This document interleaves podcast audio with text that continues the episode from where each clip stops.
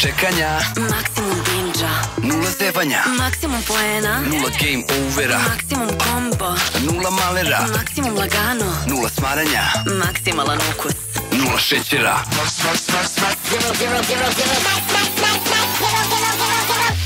Pepsi Max, Maksimalan ukus. nula šećera. Da li se čujemo ljudi 1, 2, 1, 2? Ma nema veze. Evo ga, to vam pišu ljudi, sve je okej, okay, sve je okej. Okay. Su izabrali? Joy Nisu. Portera? Joy Porter. Ne, Pixies in, samo pokazuju Pick highlight. Da, Pokazuju highlight, evo ja sam, mislim da bi da treba Joy Porter da bude ovde. Vanja, je- Vanja je potrčao ovde, ali nije jedini. Potrčali su i Amerikanci sa odmah highlightovima koji su Tako je. nam pustili. Vidim da mnogi već imaju oštampano prezime Portera na dresu. Da, mislim da je ovo Ćaleta dres. 55 je on nosio, tako? Da, pa šta misliš da nekako povezanost se neće desiti ponovo? Pa vole to Steelersi da radi. Zar nisu to radili sa mlađim bratom od eh, Cameron Haywarda? Da su ga draftovali, on je bio, on je fullback, čini mi se, ili tight end. Tight end. Tight end, tako da, znaš, Pa dobro, Baltimore isto otac sin da, to. Sa Orlandom Brownom. Mm. -hmm. Dešava se, mislim, da, da ista ekipa voli da potpiše igrači. Inače, sledeći pik će biti Arizonin, a osim ako se ne desi neki trade, a a, eto, mi smo malo pokrenuli tu priču šta fali Pittsburghu, šta bi Steelersi mogli da izaberu, šta mi vidimo kao eventualno najbolji pik uh, za njih. Vidjet ćemo, ja kažem i dalje. Ti misliš da je on? Da. Pa da, Ajde nisu da pričamo malo ofanzivno. Ne treba im ništa ofanzivno osim ofanzivne linije, eventualno. A to nekog reprezentativnijeg ofanzivnog linijaša možda mogu da nađu i dalje u free agency jer ima par veterana. Ima možda eventualno centra u trećoj rundi. Pa da. Čisto to dobro, već su izabrali Broderick Jonesa. Dolaskom Alena Robinsona prilično su rešili pitanje hvatača i je. šta im onda ostaje, mislim. Ostaje im zapravo da se dokaže Kenny Pickett. Pa ali da, on može ali da bude imaju taj. oni, Deontay Johnson, ok to priča Pickens, i da, George da. Pickens pored. Friermuth kao taj tend Tako i je, Najee, Najee Harris. i, mislim, i Pickett kao quarterback. Imaju jedan mlad, mlad kor sa, eto, jednim iskusnim hvatačem, a da vidimo upravo Mislim da će Joy Porter. Ko je ovo? ne prepoznajem gospodina, Sad će da nam da... ali Čim je si- Hall of Famer Alan A. Faneka. Gard, u, baš se čovjek prepolovio. Pa iskusno, ne nego će da bude u građi garda ceo život. Čim završiš karijeru, odmah fit slim, to je, to Tako je je. forica. Evo Srki, ovaj dvoplanet, baš reprezentativan Joy da te Porter, pohvalim. kažete. Joy Porter, Steelersi su izabrali, dobro, ovo je bilo očekivano, Trebao im je defanzivac, trebao im je korner, dugo nisu imali elitnog kornera, ovo je legacy, nasledđe, mlad igrač, sin njihovog bivšeg igrača i pritom jedan od boljih na ovom draftu. Znači ovo nije, ovo je uh, zapravo posljednji pik prve runde. Ovo je 32. pik. Tako da, računaće se to kao druga runda, ali zapravo ovo je 32. najbolji igrač koji imaju Pittsburgh Steelersi ove godine i mislim da su se na ovom draftu sa ova prva dva pika jako pojačali. Prošle godine rekoh, nije trebalo da kreću sa Trubiskim. Videlo se da to nije to. Trebalo je da krenu sa Piketom, pa šta bude, neka bude. Momak Tako kad je ušao u, u neki flow, kad je shvatio kako treba da igra, kad se smirio i oni kako su vodili ekipu Tomlin i dalje nema negativnu sezonu. Mislim da da je sve to bilo lepo rešeno. Evo vidimo kakav je Porter bio dok je bio klinja u zagrljaju svog uh, ćaleta i Steelersi ja mislim Evo idu u playoff. Evo sada da pogledamo koji su to igrači koji mogu da naprave razliku. Patrick Peterson je došao tu kao iskusan igrač, može da igra na korneru pa da tu pravi razliku, ali možda će biti i safety, možda nickel s obzirom da je nešto sporiji, ali imaju rotaciju, konačno imaju dubinu na ovoj poziciji i, i to mislim da je jako važno. Imaju sad startera sa Joy Porterom, mlađe videli smo dosta fizikalan, dugačke ruke, ima stvarno igra baš dobro press coverage i sjajno obara. Jedin problem sa njim jeste što nema tu elitnu brzinu da nadoknadi i da stigne hvatača ako ispadne na prvom koraku. Ako ovaj odmah napravi separaciju, mislim da on nema dovoljnu brzinu da ga sustigne na kraju. Tako da će to vidjeti da li to uopšte može i koliko da se popravi, ali s druge strane sve ostalo je stvarno tu visok cornerback, ima 188, kažem opet dugačke ruke, mislim da je, ti si rekao, legacy pick i sjajno za Pittsburgh Steelers, trebao im je cornerback, trebao im je tackle, to su dve pozicije bile koje neophodne, oni su u prvoj rundi uzeli tackle, sad cornerback odmah na početku druge, tako da mislim da su Steelers i veoma zadovoljni sa svojim izborima do sada. Da. Tako vidjet ćemo, dosta je ovde... Srki kažu nam da treba častimo ekipu u studiju, ja zbog Lamara, ti zbog Rodgersa. Da, da. Dobro, ajde, ajde ovaj, da idemo dalje, idemo na Arizonu, Arizona je već uh, na satu, inače druga runda manje vremena Pet ima minuta. za biranje, tako je, nije 10 nego je 5, u treći se to smanjuje dodatno.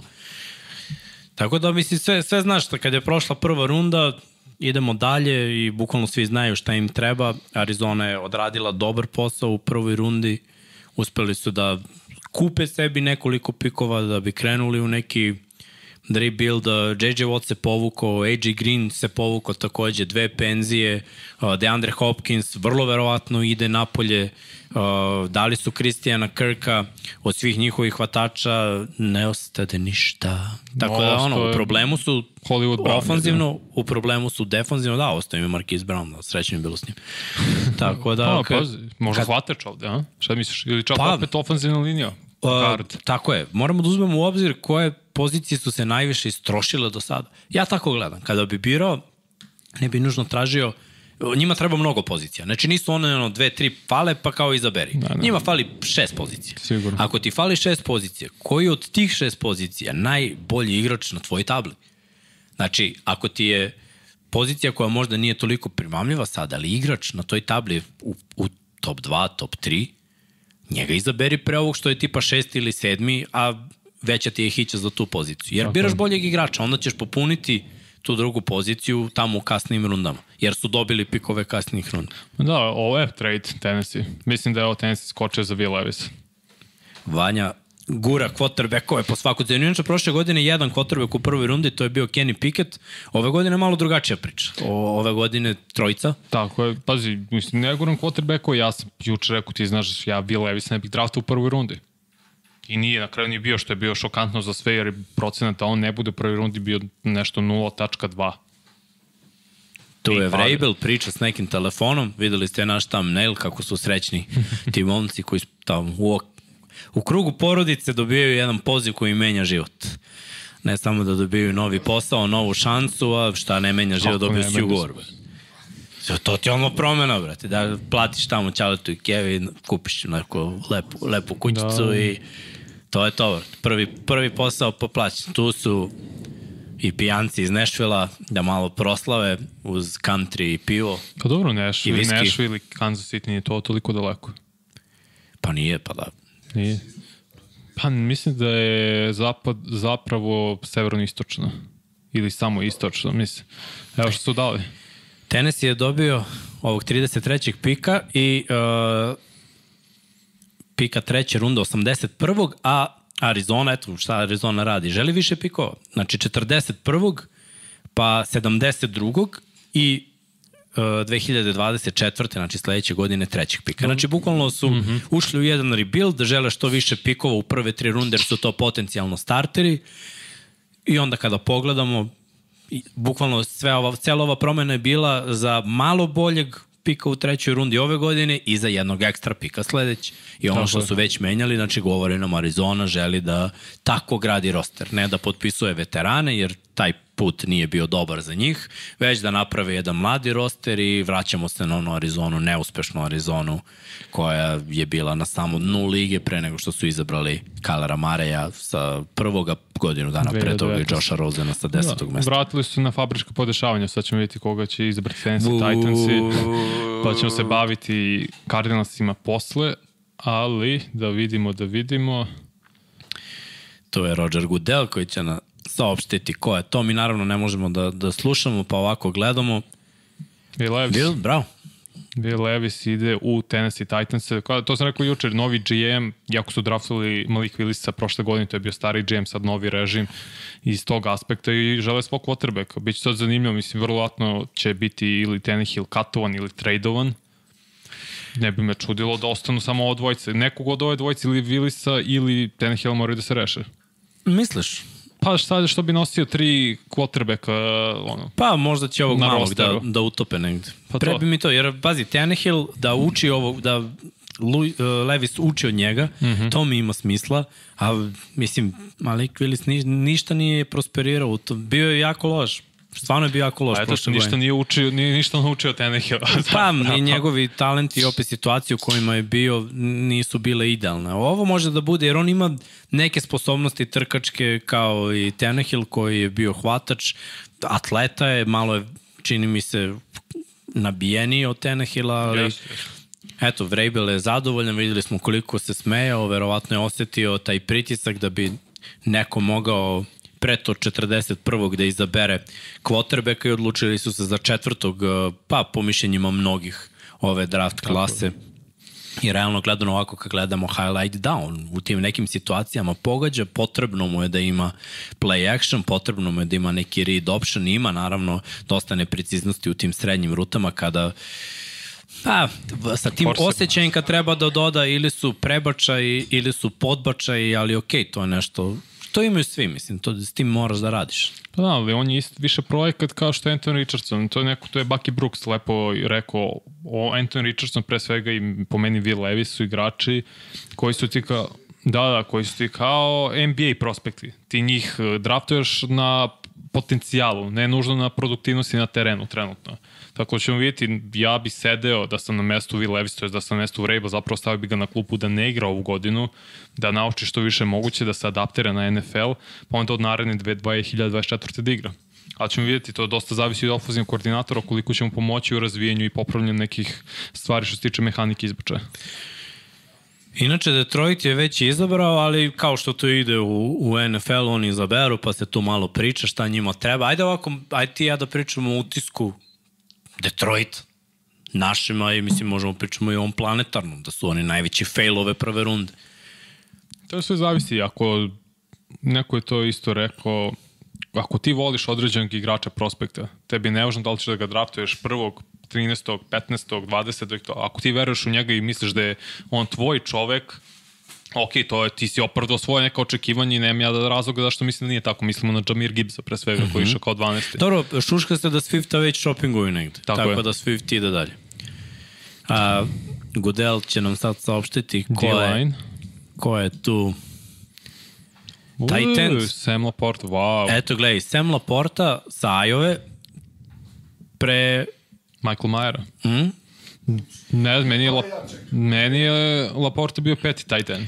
Mi smo inače izdvajali uh, po pet igrača kao što je Vanja znači sve to lepo odradio na raznoraznim pozicijama i za ove prve dve runde izdvojili smo 75 što znači da ako pogađamo dobro trebalo mm -hmm. bi da budemo pokriveni za čitavu ovu drugu rundu. Uh, sad će Srki to da, da potraži tamo. Ako Samo nađe, ako ne, ništa, Detroit Lionsi biraju Sema Laporto, taj tenda sa Ajove. Taj tend je jako potreban njima, oni već imaju dva mlada momka, e, dva mlada momka koja su pa do nekli odradila posao kao blokeri u otvaranju tim nekim kratkim rutama za Jareda Goffa. Mislim da e, Jared Goff živi od taj tendova i kad je bio u Remsima, ni tada nisu Higby i Everett bili ništa posebno, ali su radili posao. Njih dvojica su kombinovali blizu 1000 yardi, ali imali neke touchdownove i pomerali lance. To je za Goffa važno, za ofanzivni sistem Detroita važno, imaju neke big time playere a, s polja, tu su neki dobri hvatači, tako da ako ovaj momak bude uspeo da opravda sve ono što oni veruju, a oni veruju da, da te njegove promene ritma i njegova veličina, blokiranje mogu da dođu do izražaja, onda je to dobro. Pritom da napomenemo još jednom nalaze su u diviziji koja je u rebuildu. Raiders i A, trade. evo ga još jedan trade. Rekao sam, bravo, evo ga Sam Porta, Srki je našao i sliku. Bravo, Srki, Ovaj, bravo. to, ne moraš uopšte da žuriš Srki, ja sam ovako juče. To, dok se oni nađu, lagano, bitno je da mi ljudima prikažemo kako izgleda momak i to je to. Evo, Detroit Lionsi, kao što možete da vidite, izabrali su Sama Laportu, videli ste malo njegove fizičke predispozicije. Od prilike sad- tamo negde 1,92 3 Pa, sa da. ma, malo jačom težinom, lepo je sve to. A Šta ćemo s a, Raidersima? Raidersi, pa bazi, juče su bili onako malo manje agresivni, sada više, Tako je. i da kažemo da je možda ovo prava prilika za njih da pokupe pazi, ti ovde bukvalno i dalje imaš starter, ovo je toliko blizu pika prve runde, njima je to preko potrebno. Najslabija su ekipa, po mom mišljenju, u diviziji. Mm -hmm. Ne znam da li se slažeš ili ne, Slažem ali mislim da dosta toga fali.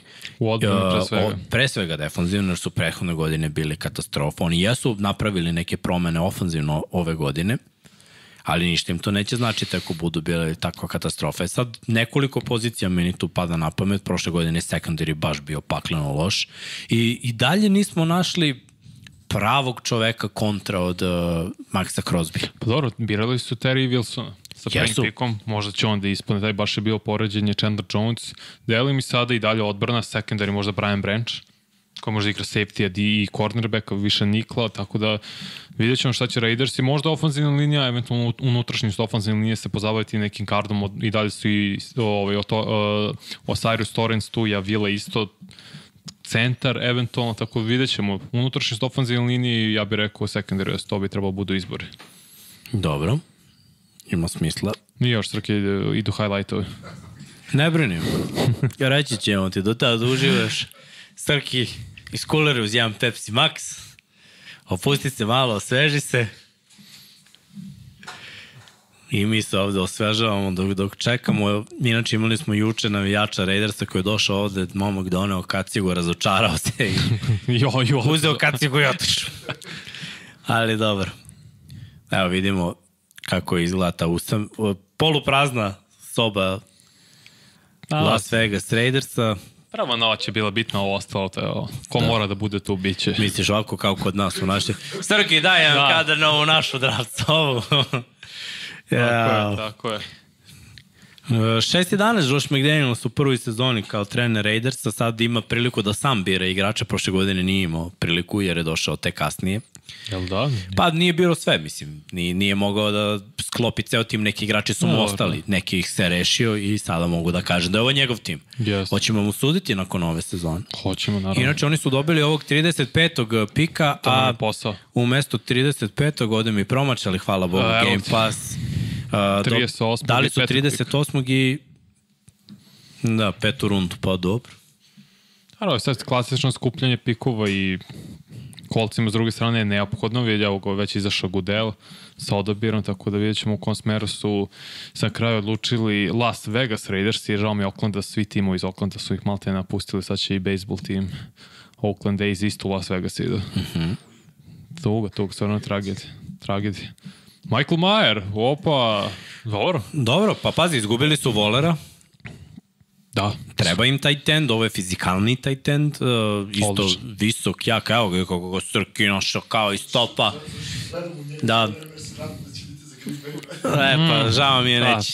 100, 193 i koliko 120 kila, znači zverina, skočan, jako dobar bloker, pa mi smo ga ocenili kao najboljeg tight enda ovog drafta, on odlazi, do duše ovo je očekivano meni za poziciju tight enda, to je početak druge runde. Da, ja sam mislio da će biti dva tight enda i Dalton Kincaid i on u prvoj rundi. Kincaid je bio u Buffalo Billsima koji su skočili, preskočili Dallas zapravo za taj odbor što je bio top potez što se tiče Billsa. A meni se ovo sviđa za Raiders jer ok, nemaju više sada rekao si Volera, sad je tu Michael Mayer, Devante Adams, uh, ovaj iz, Hunter Renfro. Renfro, Jacoby Myers isto, znaš, pa bi- naravno Josh Jacobs, sad moraju da rade na ofenzivnoj liniji u kasnim iz, Ne, pikovima. do odbrana, brate, pustiti ofenzivnu liniju. I tamo imaju da potpišu free agency u odbrana, znači mora da se podmladi, moraju da imaju moraju da imaju dosta mladih željnih igrača. To ako nemaju, sve im džaba. Će- Ali dobro da kažemo da su odradili posao i evo Remsa koji su trenutno na satu. Šta će Ramsey da Ima uradi? još dva minuta, Remsi nisu birali u prvoj rundi, zato ćemo malo više pričati o njima. Celu svoju budućnost su skockali na onaj e, prozor za Super Bowl, osvojili su Super Bowl, nakon Super Bowla krenuli da rasprodaju šakom i kapom. Otišao je Jalen Ramsey, otišao je Odell Beckham, otišao je Robert Woods, otišao je Allen Robinson, otišao je Bobby Wagner, otišao je... Leonard e, Floyd? Ostao? Mislim da je Floyd, mislim da je nije ostao, ali nisam siguran. Mislim da nije ostao, ali bit će ovde sada ispisano, sigurno pa ćemo potvrditi informaciju. Dosta igrača je tu promenjeno, pritom su onako oslonili se tu na S- Stafforda da on može da, da odradi. Cooper Cup je bio povređen prošle godine, nije završio sezonu. Uh, imaju neke mlade igrače koji treba, ono, Tutu Atwell, Van Jefferson, to su njihovi, ono, njihove backup opcije. Nisam siguran u kom smeru ide franšiza, ali znam da im trebaju igrači, dosta su izgubili na raznim pozicijama i nemam predstavu šta će im trebati od svega ovoga. Pritom, ako ne budu bili konkurentni, vrlo verovatno da će Aaron Donald da im kaže doviđenja društvo, bilo mi je drago, za, u uzeo sam još malo para, ako nećemo se takmičimo da idemo u playoff, nema šta, evo da ranjem se bijem, ili me traduju ili da, Ivona Millera su izgubili kod što bilo se prošle godine. Tako da, ono, do, do, dosta igrača je tu zapalilo, Mogu u više smerova da idu, zapravo Ramsey mogu opet da obnove tu ofenzivnu liniju, možda da gledaju i hvatača, neko možda Jalen Hyatt, da vrate malo te iz oružja koji su iskupili u prethodnih par sezona, možda defensivna linija, mislim, stvarno u dosta različitih smerova mogu Ramsey da idu jer su dosta izgubili i čeka ih klasičan rebuild. Ne bi im čudilo da izaberu možda Hendon Hookera, quarterbacka, da, da se dok se on oporavlja od svojih pokidanih ligamenata, strpi jednu godinu od sedi, uči od Stafforda i od, Me- od McVeja i naredne godine startuje. Jer verujem da je ostao Levis na ovoj poziciji 3-6 da bi njega izabrali. Moguće, Naslednik. da, pa pazi, nemaju pravo rešenje, treba im ono, rebuild, mada opet kad gradiš ekipu, ne krećeš od quarterbacka. To je, to je form. Mnogi, mnogi ekipe se prevare. Ramsey trenutno su 10 pozicija daleko od quarterbacka, Sigurno. ako mene pitaš. I ti ako sada dovedeš dobrog quarterbacka i staviš ga u situaciju, da, a da ti je tim daleko od nekog uspeha, džaba ti najbolji quarterback. Znaš, teško je. Ti moraš do nekla da imaš jasniju situaciju na drugim pozicijama. Možda da tenkuje ove godine, znaš, Mik, zato da izaberu sad Hookera, ono, cedi godinu dana, oni tenkuju, imaju prvog pika na draftu, ako im se ne sviđa Hooker, mogu da biraju Caleb Williamsa sledeće godine ili mogu da traduju pik ili da dobiju mnogo više draft Ma nema šta kapitala. sviđa im se Hooker ili ne. Sad najbolji igrač trenutno na, na njihovoj tabli, to je to. A pozicija ima, evo, šest pozicija možemo da napravimo. Ma, lagano. E tako, možemo, znači all-line da stavimo, Može. možemo da Hvatače, stavimo isto. edge rushera, možemo da stavimo linebackera, možemo da stavimo Cornerbacka. možemo da stavimo safety-a. Znaš, ono, čak i u, u kasnim rundama postoji running back im fali, ali ajde, to u prve tri da ne ide. Jo, Keon jednostavno, Brian jednostavno Branch. mnogo toga fali. Ajde, sad su tight endovi malo otišli, pa nema potrebe da, da biraju tight end, ali mislim i njima bil dobar blokirajući tight end Darnell, odgovarao. Darnell Washington, upravo i sa Georgia, ovaj, što imaš 2.01 i koliko 125 kila. Da. Hunter Long im je došao prošle godine taj eksperiment sa Bakerom Mayfieldom. Nisu ga produžili. Da. Igro dobro Baker na kraju. Solid. Pa dobro, da, dobio neke tekme za koje nisam verovao da hoće. Da, oni Thursday night protiv Raidersa, zar ne? Evo, piše Laza, Sinci je uzeo Burova. Da, ali Sinci kad je uzeo Burova, u toj godini se videlo da ide, ide neki pomak. Imali su talentovani igrače na određenim pozicijama. A pritom su imali dva, tri veterana koji su već sledeće godine zamenili. Ko je ovo? Što je izašao ta obir? Možda će biti ofenzivna linija, znaš. Ne bi me čulo da... Tori, Tory Holt, Holt. Tori Holt nam saopštava ko je Možda tu svojim guard. njegovim prstom. Možda Vidimo prst ovaj, molim te. Vidimo Da. prst na levoj ruci ovaj znak pitanja. znači, e, pa evo ga Garrett. Evo ga guard, to je to, online. Vila, tako je, TCU, brze noge, možda igra i centar, to je odlična stvar za gardove koji većina od dobrih gardova, do vrlo dobrih mogu da igra obe pozicije, a pogledaj kako pomere ljude u, u igri trčanja. Ne, ne, ne. Tank, tank, tank. ima, ima motor, nisko težište lepo blokira i vrlo je to važno. Mislim i pomoći će dosta Staffordu koji je izubijan bio i prošle godine jer im se online raspao od te Super Bowl godine. Dobar je u Pass Pro isto. Tako da, o, meni je Torrens uh, bio prvi gard, ali vrlo je mala razlika bila između njega i Avila. Ba, minimalne, minimalne razlike. Jedino što mi se više svidilo kod Torrensa što je veći. Ima 196 i ima 150 kila. Mislim, ne, nemo što, to je ono, planina koju ne možeš da pomeriš. Savršen pik, to je ono o čemu sam pričao. Najbolji igrač na tvojoj tabli, ovo je baš, ba, baš uh, to. Inače, Seattle bira sledeći i Seattle je već izabrao. Oni su se odlučili, Brzo. Seattle koji ima dva pika u, u prvoj rundi. I Seattle koji je po mom mišljenju glavni kandidat da napravi ozbiljnu razliku Baš u ove godine diviziji. u njihovoj diviziji. Tako je, to je zapadno gde su i, i Ramsey, inače Seattle prošle godine u play-offu, naletili su na 49ersu, dobro su se suprostavili bolje nego u regularnom delu. Da, da, pa druga runda ide brže. brzo. brzo. Zašto si već prošao sve, sve znaš, evo tu je Pete Carroll u sobi, Možda Edge. Nije, go, da, nema u kim da košuljici, ovako fino. Možda Edge, mada me ne bi čudilo zapravo da bude i unutrašnjost ofenzivne linije ili Joe Tipman kao centar ili ovaj John Michael Schmitz, možda baš Osiris Torrens unutrašnjost ofenzivne linije ti, kažem, za dve godine ako obnoviš čitavu ofenzivnu liniju, to za dva drafta si odradio fenomenalan posao. Pritom si birao prošle godine i running backa koji je prosperirao dva ruki tekla, zamislite kada klikne čitava ofenzivna linija. Tako je. Tako da, evo, Đole Broncos pušta suzicu, kaže ovo je isto pik za Rastela, žao mi je Đole, niko vas Jeste. nije terao da dajete. Ali Šalim treba i meč malo, isto. naravno, sve isto razumem. treba edge. Edge. Derrick Hall. Lepo se obrne. Derrick Hall, uh, momak uh, koji dolazi sa univerziteta Auburn, power rusher, nije se baš najbolje proveo protiv najboljih teklova, ali znaš šta, uh, Pete Carroll voli ove underdog tipove ko, Mm. koji nisu bili toliko dobri i onda on nekako zna iz njih da izvuče maksimum. Znači, Istina. čim neko kaže da nije ovo, nije ono, e, on kao da traži igrače koji imaju to nije. I, znaš, ono, nije u top, daj mi ovog. Ali ja znam kako bularaš, s njim. Ima baš da. dobar bularaš Terry Hall. 11 udaraca je imao ove godine protiv Kotrbeka. Naravno, njega se ne očekuje odmah da postane impact e, igrač, već e, da napreduje polako, ali sigurno imaju oni dosta dobru rotaciju. Auburn. Auburn. Sa Kemovog. Sa Kemovog faksa. I dok vidjet ćemo kako će ovo, malo je mali da igra defanzivnog enda, klasičnog, pošto ima možda blizu 1,90 inače Derrick Hall. Fa Falcons ti traduju, Tako je. evo male promene. Žele ispred Karoline. Falconsi uzimaju 38. pika, a kolci čiji je ovo pik bio dobiju 44. i dobili su jednog pika četvrte runde, 110. Znaš šta Tako ovo da, znači? Da kolci zapravo veruju koga god oni žele da će im pasti do 44. pika.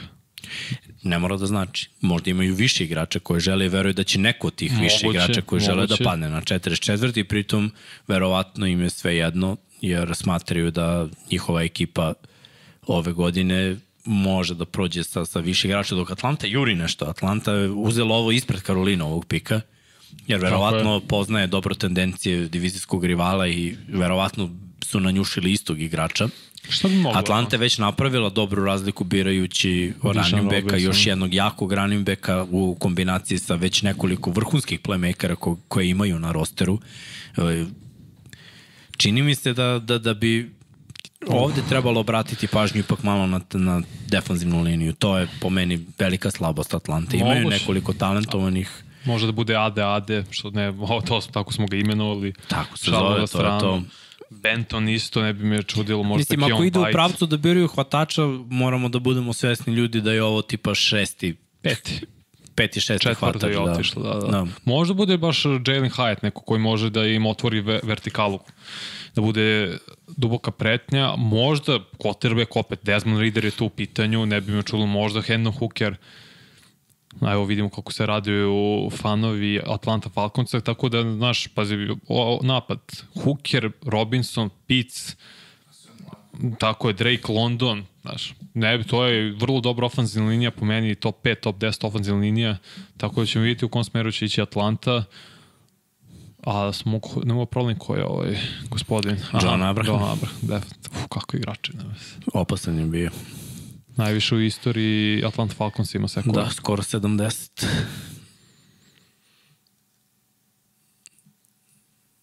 Matthew Bergeron. Berger. Tekl, Syracuse. Dobro. I to je vrlo važno. Jačaš So, ja sam rekao vrlinu. da, da oni idu sa... To je, to je izjava bila Artura Smitha da želi da, da ide s Riderom i da, i da proba jednu Mhm. sezonu. Nema boljeg načina da ideš sa mladim eh, quarterbackom nego da mu uzmeš ofanzivnu liniju, da mu pokažeš da veruješ u njega, a ako on nije taj, taj ofanzivni linijaš ti ostaje za budućnost, jer ovo je sledeće 3-4 godine Tako je, tako je. i to po maloj ceni, pritom si već krenuo da razviješ jako dobru ofanzivnu liniju, nešto što si radio i u Tennessee sa tvojim šemama blokiranja prilikom trčanja, čak i pas promo je kreativniji, nije ono klasičan drop step. Lepo, Syracuse. A, znaš, super. da, da, nego te veće se, te veće se gasti. Pusti na mene, pa će sad Vanja to, on ima taj lagani prst za pojačavanje. Da. Tamo da ja otvorim jedan Pepsi malo da se osvežim i da pozdravim naše Bravo. sponzore. Bez šećera, bez stomaka, bez griže savesti, pi gazirano i uživaj. Posle pljeke još bolje, ali nismo imali, nismo imali pljeku, jeli smo tortu, Luki bio rođen. E, da, ako Vanja hoćeš tortu, kaži. Važi, važi, teško ovo dobro da mogu šećer. Treba će nam, brate. Vidjet ćemo, Malo nema šećera, malo ima, to je ono. To, se Balans. potire, brate.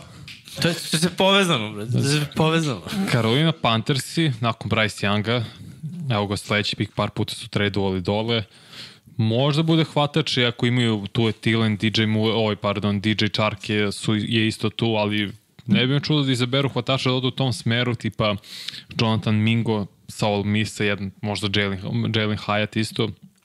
Online je dobar, ne, opet može da se naravno unapredi, birali su prošle godine tekle i Kemek Vonua, Ali ne znam, ovo ima dosta opcije, da li linebacker napokon da pronađu nekog da, nakon što se penzionisao Kikli i to isto ima smisla.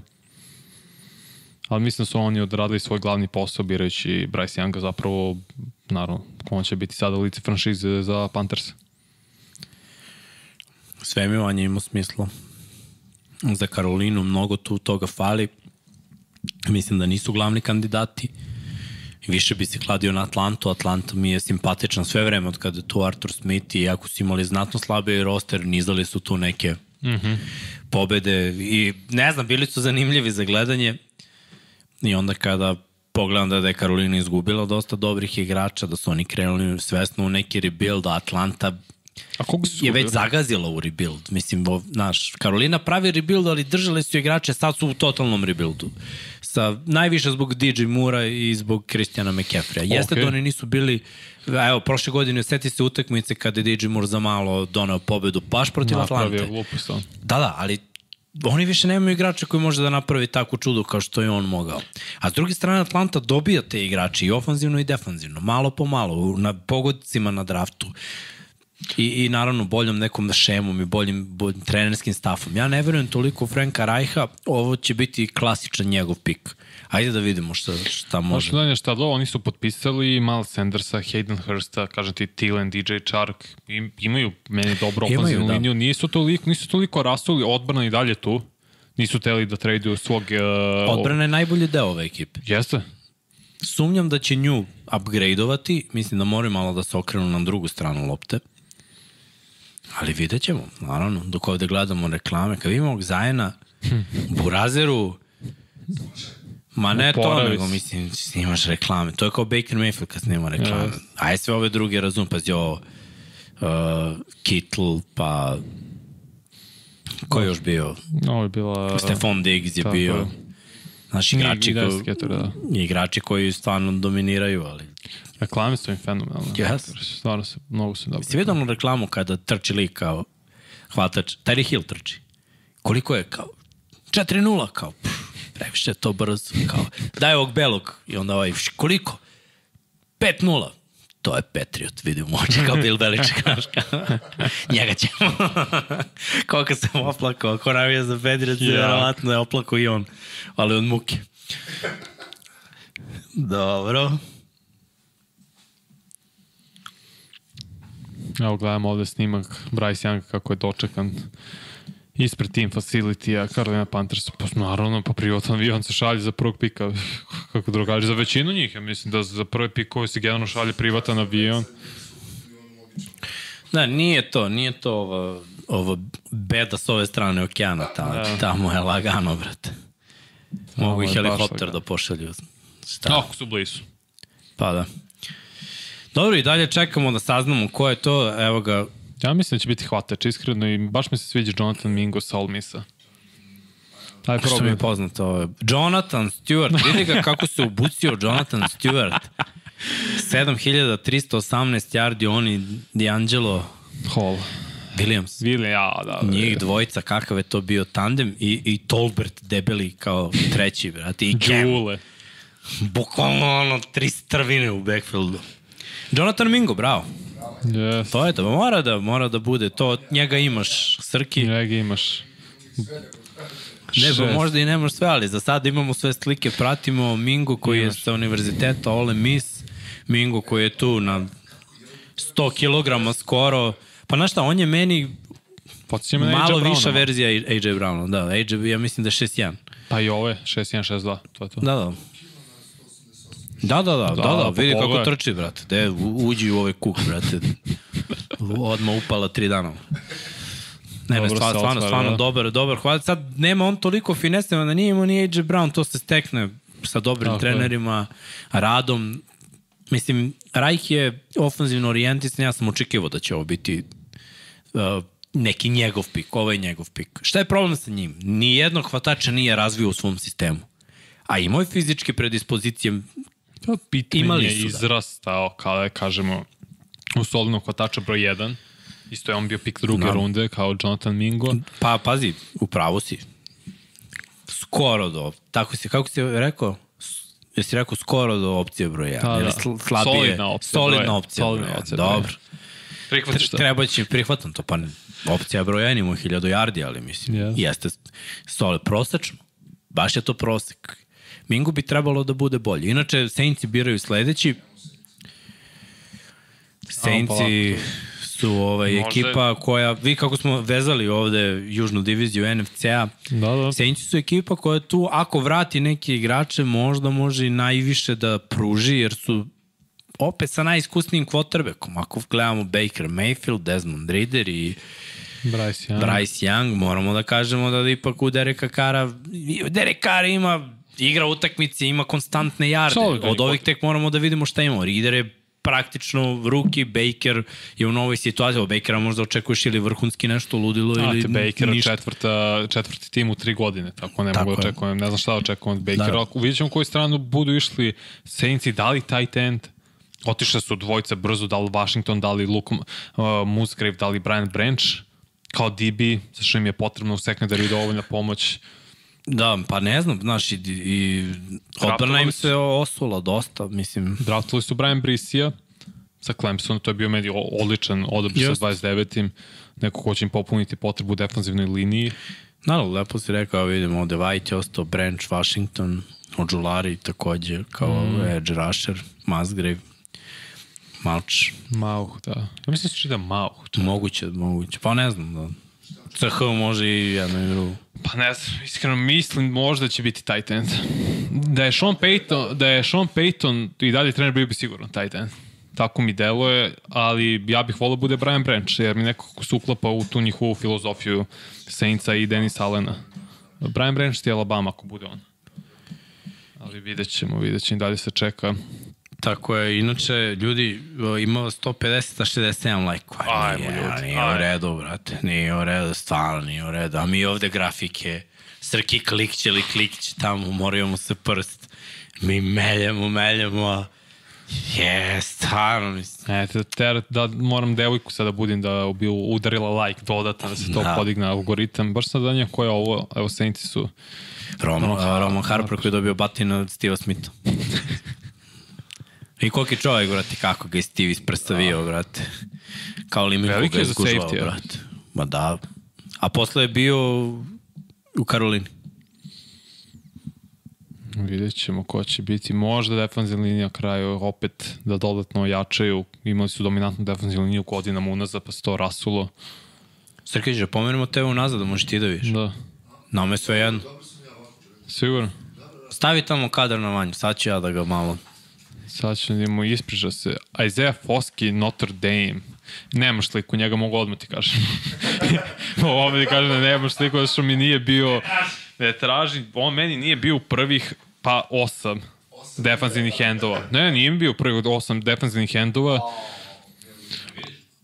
Ali Isaiah Foskey ima 195 i on, je, on ima klasične mere za defanzivnog enda. Ne za edge igrača, nego baš za defanzivnog enda. I stvarno je ogroman čovjek. Pogledaj broj 7 kao je. Da, da. Ali opet, birali su Marcus Davenporta kao projekta pre 5 godine, to se nije isplatilo. Foski mi delo je nešto slično tome. Iako ima 11 sekova prethodne godine na koleđu, a mi isto delo je kao Davenport neka vrsta projekta. I Davenport isto ima 195. 65 je bio. Evo, predvodio tim sa 14 obaranje za gubitak yardi prošle sezone, tako da vidjet ćemo. Čak je četiri puta izblokirao šut za 3 pojena. Da kaže Dylan Dog Mauk se čita. Dobro. Dobro je to. Cody, Cody Mauch. Inače, sledeći pikovi, kao što ste Ovo je u stvari da, kao što ste mogli vidjeti, ako gledate, ako gledate nas, Cardinals i Packers i Jets i Colts. Znači, Biće zanimljivo. Inače, Cardinals vidi, pucaju brzinski. Odmah. Već su rešili, već su izabrali svog pika. Ćemo i malo skočimo u napred, jedno 5 sekundi, 10. Da, da, da vidimo da li je unutrašnjost ofenzivne linije, da li, su, da li oni idu isto u pravcu defensivne linije, da li to možda Benton sa Georgia Tech, Keon White, edge igrač. Znaš što mi se sviđa? Ovo što Vanja, brate, kaže i onda već znam u koju grupu igrača. Ne znači da, da će uvek da pogodi. Brate. Dobro mu ide, dobro mu ide. Juče, i, juče je dominirao isto, brat. I onda znam ne da gledam, brate. Daćemo mu povišicu, Srki. Da. 2% na ono što ima do sada, realno. Eto, 2% si dobio. Daćemo mu 2% i ćao. Zanimljivo da je u prvoj rundi išlo šest edge igrača i pet, petorica defensivnih teklova, znači u 11. ukupnoj defensivnoj liniji. To se baš ne dešava. Manje cornerbackova bilo nego inače samo četvorica. Do sada isto nisu sem Joy Portera išli cornerbackovi, tako da možda je to neka naznaka da je slabija klasa. Pa, nisam siguran toliko. Znaš, neka tržište diktira ovaj, mislim, videli smo dosta bastova na poziciji kornera kada je bilo veliki, kada je veliki broj bio izabran u, u prve dve runde. Mm -hmm. Kad je to bilo po 10 kornera u prve dve runde i na kraju od tih 10 isplivaju dva. Ne nužno iz te prve dve, ali znaš, jednostavno tržište diktira kad neka pozicija krene da, da, da odlazi, ta pozicija postane zanimljivija i ovaj, ja verujem da, da sve ekipe imaju onako po, po pozicijama napravljenu tabelu uh, što se tiče skautinga koji im se svideo na koji bi se uklopio njihov sistem, sa kim su razgovarali, ipak su ovo prve dve runde, oni su verovatno razgovarali sa svim ovim igračima, ovo su igrači koji su bili na kombajnu, ovo su igrači koji su uh, odrađivali pro Kako bi ti day, smeru znači išao? Kako bi ti draftovao? Sad imaš ti si GM, da li bi išao na smeru... Arizone. Ne, Pa, Arizona, pazi, već nego, ne, ne, sviđa. Aha, generalno, generalno. te pitam, da li bi išao u, u smeru bezbednijeg pika, neko koji ima i brojke na koleđu i to nekle, ne, neku vrstu potencijala i ka- klasičan projekat. Zavisi kakva mi je ekipa. Dobro ti je pitanje, pitanje ti je odlično, ali sve zavisi koga već imaš u ekipi jer i koje su očekivanja. Uzmemo primjer Arizonu.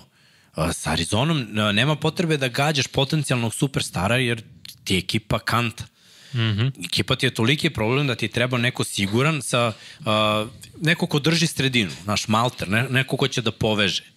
Zna- Znači, nije Znači- ti potreban plafon jer ti Jasno. dalje nemaš temelj i zid. Jasno, jasno, A što ćeš kapiram. da staviš plafon? Znači, to- to, je, to je veliki problem za, za ekipe koje žele brzo zvezdama da se izvuku. Zato su oni birali neke igrače koji su bili potpuni bastovi. Mm -hmm. Ali kad imaš ekipu, kao na primjer koja je konkurentna, tu treba da probaš. Znači, tu, kao što je, na primjer, Buffalo, kao što je, znaš, ekipa koja fali im nešto da odu korak dalje. E onda biraš igrača koji je potencijalno s najvišim plafonom, jer gledaj, ako on failuje, ti dalje imaš vrhunski tim. Jasno. On će samo da odradi ulogu jednog uh, Da li ti potreban neko ovde koji ima dobar karakter i stav i van terena i na terenu? Znaš zašto birala primer Texans i, i Will Anderson pre Jalen Cartera? Možda je Jalen Carter malo bolji, možda, ali Will Anderson van terena je savršen. Pa to se Njegov gleda, karakter, njegova energija i sve, pravi je lider i nema nikakve mane iz te strane niti greške kao što ima Jalen Carter. Kapiram, ali znaš šta, greške, ljud, ljudski je grešiti. Ipak oni, svako ostavlja utisak na nekoga drugačije. Ti kao, ti kad vodiš razgovor s nekim, drugačiji će on utisak da ostavi tebi i meni. Ti ja smo drugačije osobe, tražimo Naravno. drugačije stvari, vidimo druge kvalitete u ljudima. Tako da ono, sve je moguće. Ines Williams, Hall of Famer, čita pika Arizona Cardinalsa, Idemo D-line neki. da vidimo zašto su se odlučili. 3-4 nivo formacije, tako da možda je edge eventualno, možda. Ali vidjet ćemo sada. Ostalo je još par edge-ova. Ođulari. Tako. Dobro, od. Da, Dobro, ali evo ga dalje na telefonu. Tako je. Raduje se ekipa, raduje se porodica, smiri, š, š, tišina, tišina, tišina. Da, da, da, tu sam, razumem. Dolazim, dolazim. Neću da tučem Kajlera Marija, sve u redu. Zverina. Jest. Zverina, jest. jak, sa odličnog univerziteta, LSU, Ođulari, da, dobar- dobar PJ sistem, Ođulari. da, imaš ga sigurno. sigurno. Bending close, dobar. LSU, znači, žutice. Žuti. Dobro, okej, okay, pogo- uklapa se i u defanzivnu šemu, koju će možda se da promenjati defanzivnu šemu, zašto je novi glavni trener bio bivši defanzivni koordinator Philadelphia Eaglesa. Vidim da su Green Bay Packers već izabrali Srki, da samo te obavestim. Ali, Ali okej. neće to još, Ne, znaš, to još. moraš da Možda ima smisla da drže 3-4 sa ovim Da. odabirom, jer Ođulari bolje igra kao outside linebacker edge nego defanzivni end. Da vidimo Packersi. Dobro. Nije, Nije, ne, pa mislim, mi izabrali su, ali- neće, pa znaš šta, ne, ne ide to Srki tako brzo, oni moraju da najave, pa će malo da popričaju, Nema Majera, a? sve to, sve to show, oni sada tek prikazuju Pa ništa, Luke draft room. Musgrave možda. Jedino je on ostao top 5. Ne, u, Dar Darnell Washington zapravo sa Georgije. Ja bi pre njega izabrao... Opa, Packers, evo ih. Da, brzo to. Ništa, Srki, pušti Packerse, Puštaj GB, puštaj tvoje. to. Su odabrali... Mislim će biti ili mislim će biti Musgrave ili Darnell Washington. Musgrave. Eto Srki, dobio tight end. Luke Musgrave. Oregon State. Malo igrača je sa Oregona. Ali ovo Oregon State. Sa Oregon State, da, da, da. Mislim, generalno NFL-u, Musgrave, ne, da. ne, ne, ne sad jednog igrača, iskreno, Pa je na šta, manje, State-a. manje je malo univerzitet, ali ovaj dečko je ogroman. Znači ovo je preko 196, pritom, znaš kad imaš takvu metu, da. aha, ha, ovo preko veze, preko veze lik sređio svog taj tenda, vamo Čularija ne može, ali da, 198, piše 113 kila, da, zver.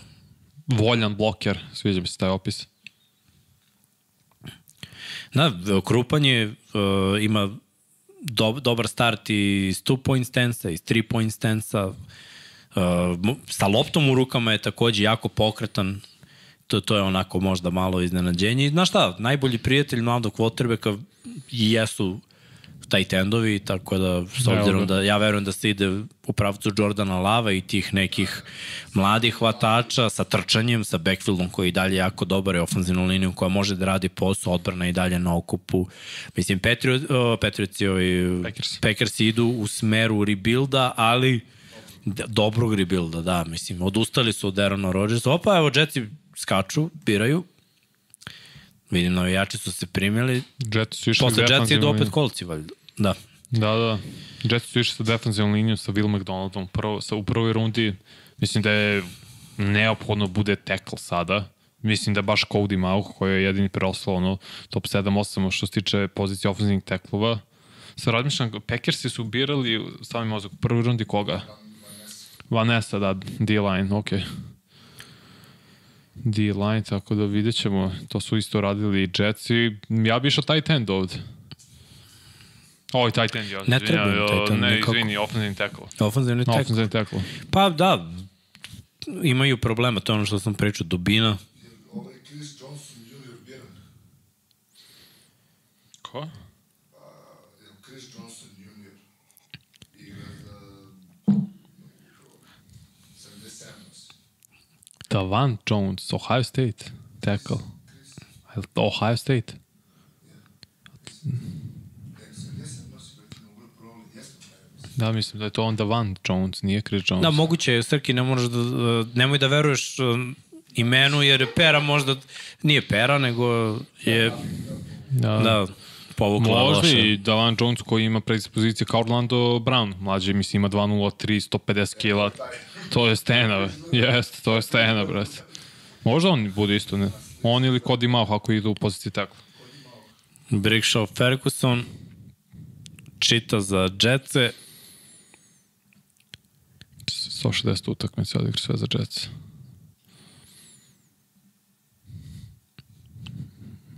Muk. Joe, Joe Tip, Tipman, Wisconsin. centar. Ok, Jačaj, jačaj ofenzivno treba će ti.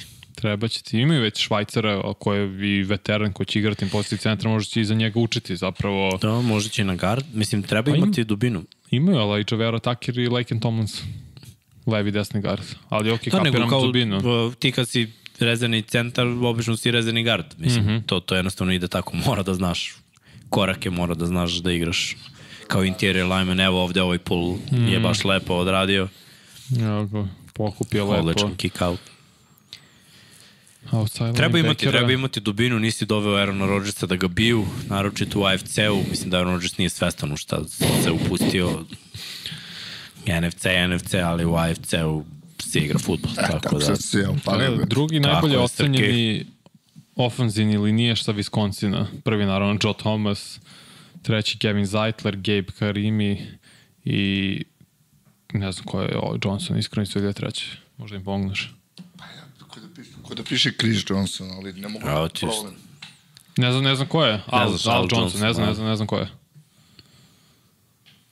Dobro, Wisconsin je ok univerzitet za eksport igrača na liniji skrimidža. Jeste, za online pogotovo. Nisu neka finesa, ali zato iz rovova vade dobre projekte i prospekte. Evo su napokon kolci. Nakon nekoliko Šta misliš, evo downova. Dylan dogode, kaže Vera Tucker možda i na teklu da se oproba ako se nešto istumba. Mislim, pokretljivi, ali ne, nisam Pa siguran. nisam ja, mislim da ne znam da li ima dovoljnu dužinu ruku pre svega za to. To je, to ljudi najviše gledaju. To nikad ne znamo dok, dok nekog ne vidimo, da protiv elitne konkurencije na određenoj poziciji, da neki igrači jednostavno prirodno mogu, ali dok ne vidiš ne znaš, mislim, jed- jedno su koraci i sve to bez pritiska ispred tebe, ali dok ne dobiješ elitnog defanzivca ispred sebe, nikad ne znaš. Inače, kolci su izabrali takođe, Ajmo, Vanja, pomozi režiji, brate. Ne znam, ne mogu ti pomognem, zato što kolci mislim možda isto tight end, zato što im je potrebno. Dobro. Ne mogu da se oslanju na moje ili Coxa, mislim, večno. To je onda Darnell Washington, ako i dalje mogu njega da draftuju. Sad u odbrani koga bi mogli možda cornerbacka, malo su tu rasuli. Online, što da ne, i oni trebaju da jačaju online, pogotovo na poziciji tekla i, i mislim možda čak i centre oni, jer su imali dominantnu ofenzivnu liniju pre nekoliko godina, ali to je polako krenuo se raspada da idu igrači u penziju, o, kako se zove, Luis Castenzo, tako bio levi tekla, pa otišao da. tako, u penziju, tako da možda gledaju i oni tekla. Jer ne, mislim koliko god da je dominantan Quentin Nelson, on i naj, koji je najbolji levi tekl, on se neće prebaciti na najbolji levi gard, neće se prebaciti na tekla. Ne, Iako ima predispozicije za to. Pa ne bi baš rekao da Pa ima ne bi rekao da ima pre- da, Više ja bi- ja brate. Da. Više Ja, pravi za da. garda. Vi- više on, kompaktan mali. Cool. Ima 195. bre. Ma da, ali Pa okej, ali građe mu je ko frižider, brate. To, to, to, to. Odnosno ko zamrzivač. teklovi imaju u sebi ta, to, to građu cent, malo, malo jačeg centra. Centar iz 90-ih. Ko je malo ja, ozbiljnije shvatio teretanu.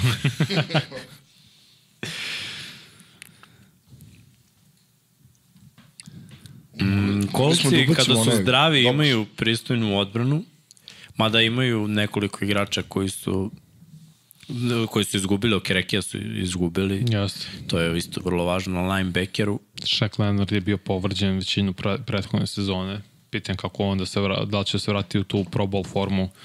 Prošle godine Ryan, Ellinger Falls, pre toga eksperimenti godinama sa, sa quarterbackovima. Mučenje od kada... Potpisali su Minšua. Imaju odličnog running backa. Ti mu trebao dobar online da bi on bio najbolja verzija sebe. Ajde da vidim.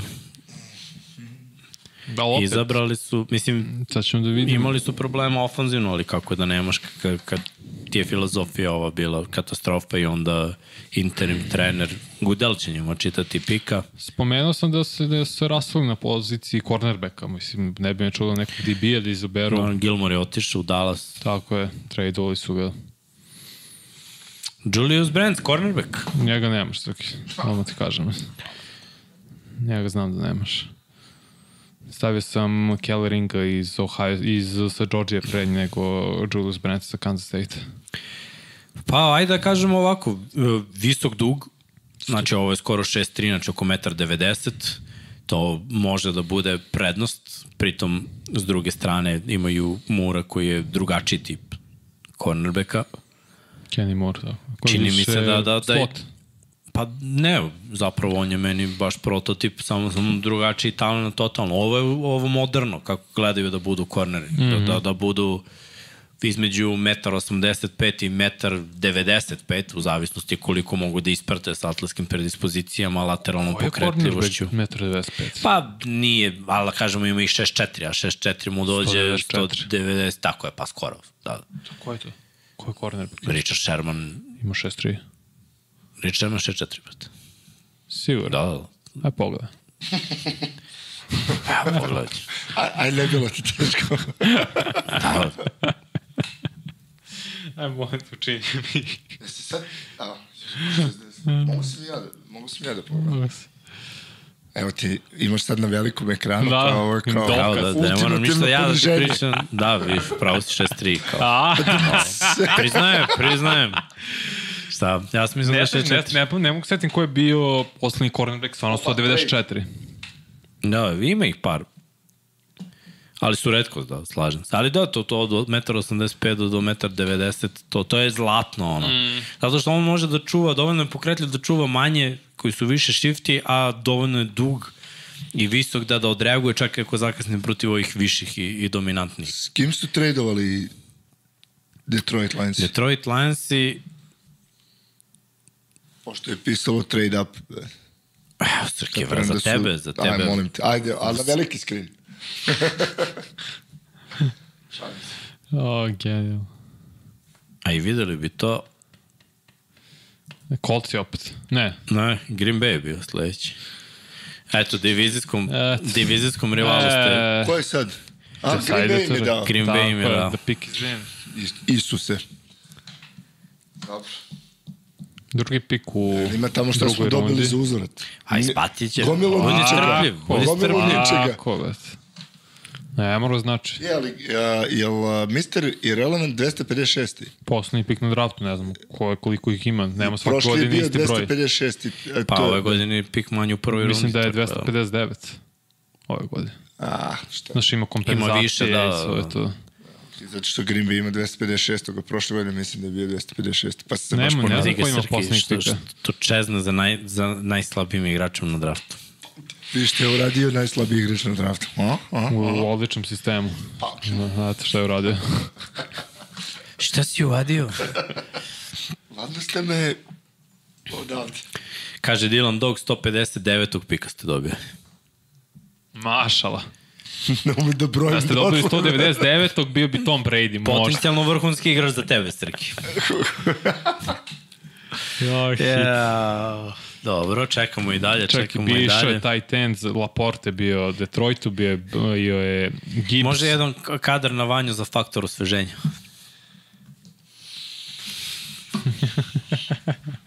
Idi, idi, faktor osveženja, ali vidjet ćemo u kojem smeru će sad Detroit Lionsi ići.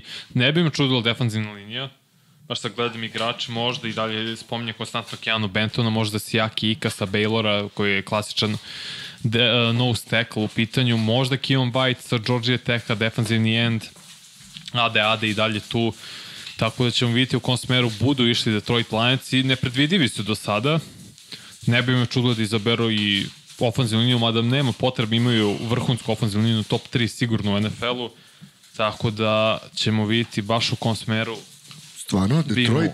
Detroit ima A vrhunsku jeste, ofenzivnu bili su liniju. najbolji napad u jednom trenutku. Vrhunsku ofenzivnu liniju ima Detroit. Čak i Fila protiv njih mislim da je imala, uspela samo jedan sek.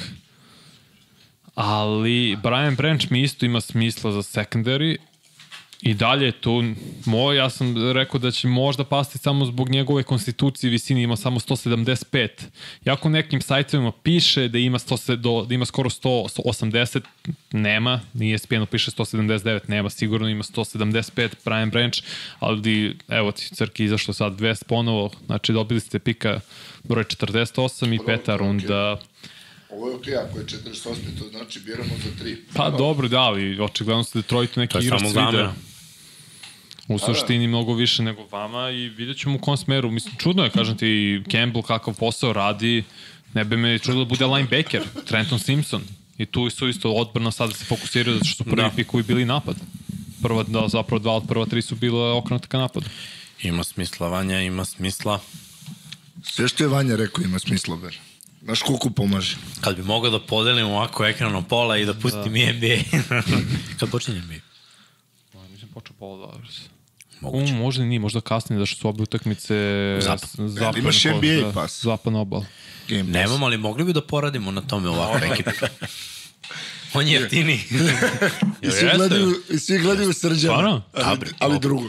Mislim da ovaj playoff NBA pas ne, nešto baš jeftino. Neko je tu pisao u komentarima u 1 na Uzme 1. moj drug, uzmi najbolji drug NBA pas. Ali za playoff kapiram da, da je nešto baš jeftino. Mislim da je za celu godinu tipa 70-80. Do, No, da. Da. A za playoff još manje. Evo, Lions su sada... Kaže Dylan Dog, juče su uzeli linebackera. Da, Jack Campbell su uzeli, ja se izvinjam, sad zaboravio sam to. Mislim, Pazi, Brian Branch je tu, zašto da ne? Treba ti pomoći u sekundariju. Najbolji safety, A potisao znaš šta, može nisu igra. pogodili kornera dosta dugo, a korner je, jel te, zlato i već odlaze polako, ali sigurno. Koga negde biraš, trebalo bi druga, treća runda. Brian Branch. Bravo, bravo, Brian, bravo Detroit Lions, sviđa mi svoj pik. Salaban. Da, da. Odličan, stvarno zna da igra futbol, to mi se sviđa, vrlo inteligentan, najbolji obarač što se tiče DB-eva na ovogodišnjem draftu, odličan instinkt ima, atleta je, samo što je konstitucija pitanje. Može bude Tyra Meti, to je isto bio znak pitanja za Već je on Metija. Metio mnogo, brate. Metio 5-9. Pa i on je 5-9. On je 5-11. Nije to, nije spijeno, piše 5-11, samo kod njih. Kod većine piše da je 5-9. Brate, na NFL-u piše 5-11. I 5 osmina. Ne znam. E, da mi je tih 5 a da osmina. pređemo u centimetre i u kilograme. Ne A, znam. 5-11 je skoro 180 skoro. Pa piše 180 malo, malo jače. 85. 5 osmina dode na to. Pa znam, pet ali mislim da 5 nije. osmina od 2,54. Ali mislim da nije toliko visoko, iskreno. A dobro, ti mi možda te deško merio u, u Air Alabama, ga Maxu. je, Alabama ga je vodila kao 5-9. Alabama, možda je porastao. Vidi ga koliki je pored gudela, brate. Možda je pojačao ishranu. Šta ako je, jede tunjevinu svako god, veče? odličan odabir za, pozivam, ima 14 obaranja za gubitak yardi. I predvodio je tim, to je bio drugi iza Will Andersona, kao DB. Iz Vila Andersona. Da, da. Odličan, odličan igrač, stvarno odličan. Kako volim ovaj opušteni faz, izašao deško koledica, brate, farmerke. Da, nema potrebe. Evo, verstilno. U, ko je izašao juče u ono, to delo mi se mnogo dopalo, ono cvetno delo, crno, pa sad... Svetit ću se, ne mogu setiti. Srđane. Ali mislim da je Brian. Branch igrao svaku godinu minimalno 800 stepova, čini mi se. Mora bi to da proverim. Ne, da dečko je zverina, dolazi sa Run jakog stopper. univerziteta, kao što si rekao, fizikalan, dobar obarač. Ja mislim da- da je za...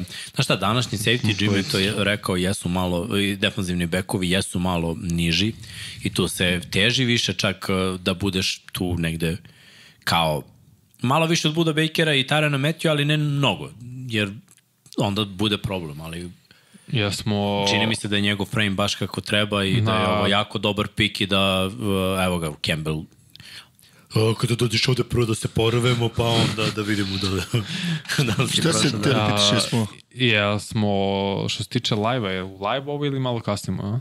Ne kasnimo. Jel da? Ok, ok. Live now. Pitam, pitam, pitam, pitam. Ne, ne, pitam, pitam. Ne, ne, ne. Pa Pitam te. viži dokle god ti je dole live now. A ne mogu vidim, nekad se spusti pa da. Da, ne, pa naravno, samo piti. Samo piti, nije problem. Evo, sve što vidim ja, vidiš i ti. Ok, ok, ok. Idemo... Kako ti uredi Packersi, Packers. Patrioti imaju sledeći pik. E, a viš, uopšte nisam do sad vidio Patriote da su išta birali. Pa zašto su išli dole? Da, A, okej. birali su u prvoj rundi Christian Gonzalesa, što je odličan. Odličan pik, da. Odličan pik. To je jedan potencijalni pun pogodak za, za Beličeka i Patriots. Jedan od najboljih kornera ove draft klase i on ima taj potencijal. Malo je duži, malo je viši, eks, ono, menja pravac, eksplozivan je. Vidi, on dobio je Intervju, brate. dobio je intervju. Pa dobro, jedan je od najboljih. Očekivali smo ga u prvoj rundi. Jesmo. Jimmy ga je Jimmy ga je prizivao jedno pet puta, nije se desilo, ali mislim da je Detroit popravio utisak ovim pikom Jeste. za možda ma, malo slabije poteze u prvoj rundi. Više smo očekivali da iskoriste taj svoj draft kapital i da unovče u neke zvezde. Pametno su zapravo uradili jer su unovčili. O, niko nije očekivao da će ovaj momak da bude ovde na 45. piku. Ne, očekivao sam recimo da će Jamir Gibbs, da, da bi bio Jamir Gibbs sa 45. pikom. To sam očekivao, ali ok, kažete, ako ti se sviđa taj igrač, skoče koliko je god neophodno, jer ti misliš da će on biti pro bowler, jedan vrhunski igrač na svojoj poziciji, tako da nemamo uopšte problem s time. Vidjet ćemo Patriotu sad u kom smeru, da li defanzivna linija napokon, da li Edge da neko pomogne suprotno uh, Matthew Judonu, da li neko u sredini pored Barimora, linebacker, eto opet to ne fali Mike klasičan. Vidio, vidio braću iz Detroita. Braću napaćenu, brate. Bukvalno zna, znamo muku. I onda sedne u Fordov pick-up i ode. Muka, brate, nije lako. Dobro, došli su, znaš da je Detroit, da je Kansas City, nije baš to toliko blizu. Došto i bre iz Green Bay, što ne bi došli iz Detroita. Evo, Patriotsi se raduju, pik je izabran. Kaže, upravo je počela tekma Golden State i Kings. Pff, puštaj. Gasi podcast. Mislim treba da ide Edge. Ovde treba i stvarno pomoć Judonu, ne može on, mislim, igra nevjerovatno kad je potpisao za Patriote i na višem nivou nego u Ravensima. Mislim da će se složiti s time, tako da treba njemu pomoć. Tu je i dalje Keon White baš sa Georgia Tech. Tu je Ade Ade. Ade, ade i to, to, to. Svašta njemu, Da, to svašta sa fali. Da vidimo To, to, šta Bill aminuje, šta Bill podržava.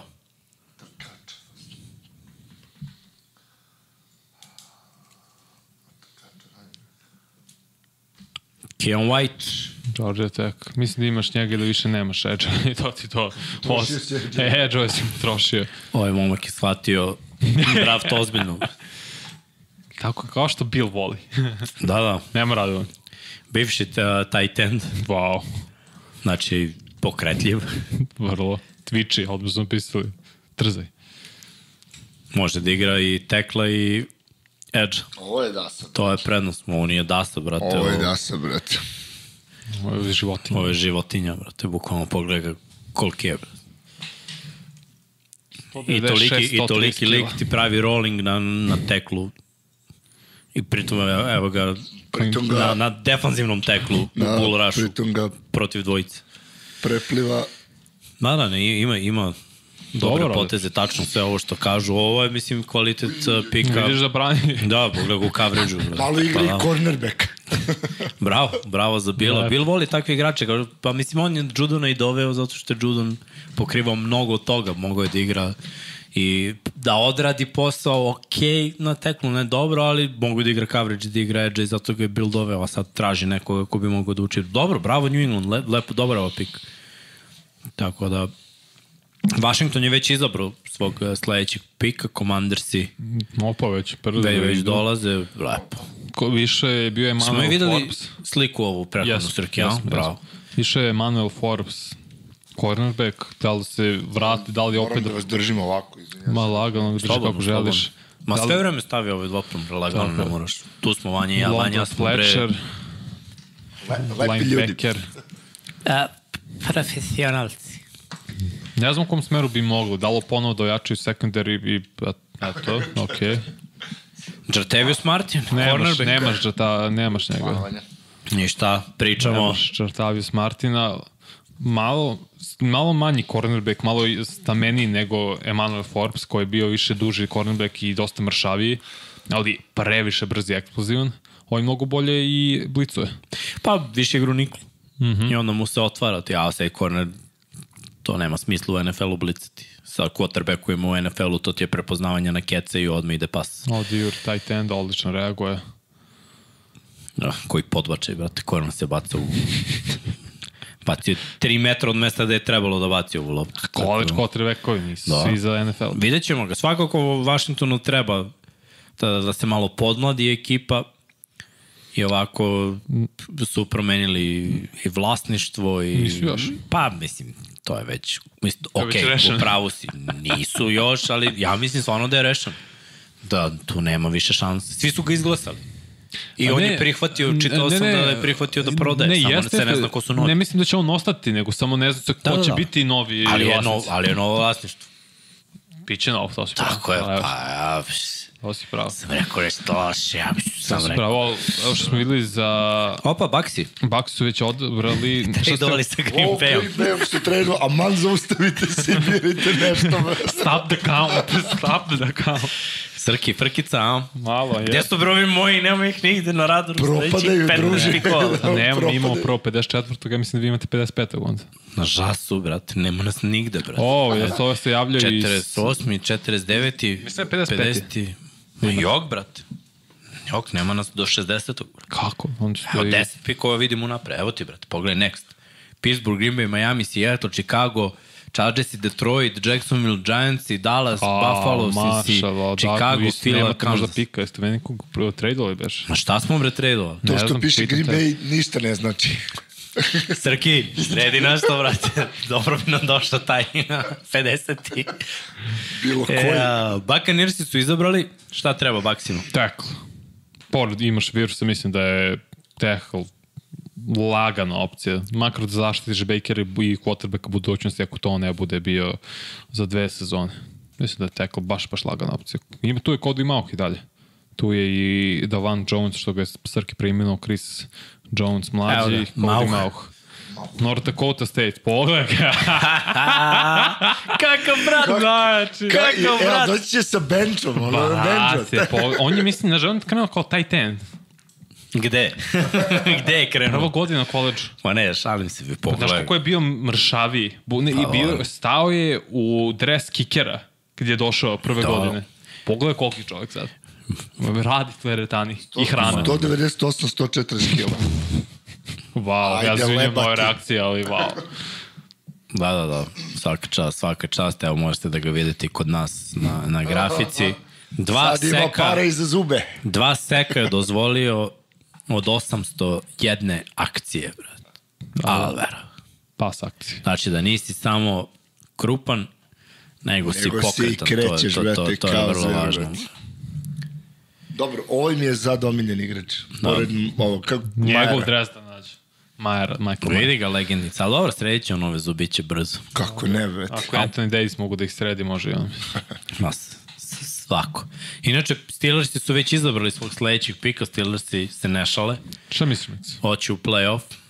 Pa ima, ovaj, Linebacker, D-line. pa morali bi da obrate pažnju malo na linebackera. Pikovi su dobri bili, ovi prvi Jesu, pikovi. jesu, slažem ali ovaj, mislim da je, da je vreme... Mislim, to su im rupe. Ali ako izvežeš, izvezeš četiri linebackera, od ta četiri, dva su zapravo tvoji igrači, Spillane i Bush. Da, da. Njih si dao, ovo drugo si eksperimentisao, pokušavao. Mislim da je vreme da ulaže opet u, u budućnost. Ali nadam se će izabrati tipa nekog igrača koji Baltimore neće mogu da našteti tako neka tamo pozicija rezervnog igrača. Šta Šalim ljudi? se, respekt za, za Steelers. Šta? Šta kažu ljudi? Ljudi, uh, da, Rokuan Smith, bravo. Eto, da je bio naš pik. E, Nema veze, Kako? za Rokuana je vredao. Bersi imaju naš pik. Totalno ima smisla. Da, oni biraju pre Chargers, to, to je to. Kako se zaboravio Rockvana, tek tako? Ma, brate, sve vreme mi je fokus bio na Lamaru i stromirali su. Pa kad je došao Delni od Dela, nisam primetio koliko mi je bilo frka za Lamara. Sad, Verujem. sad treba se vratim u realnost, znaš, da se naviknem na ove nove, na ove nove momke. Back to reality, sve sad okej. It's fine.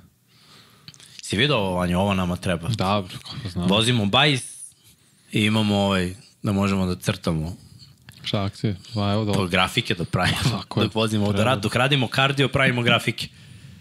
Mislim da sam gledao brat, film, tape. Ovo ću Peri da pošaljem. Nabavi. Viš lista za novu godinu. Kao Srki, najneophodnija investicija za ovaj studio je bajs dok radimo grafike.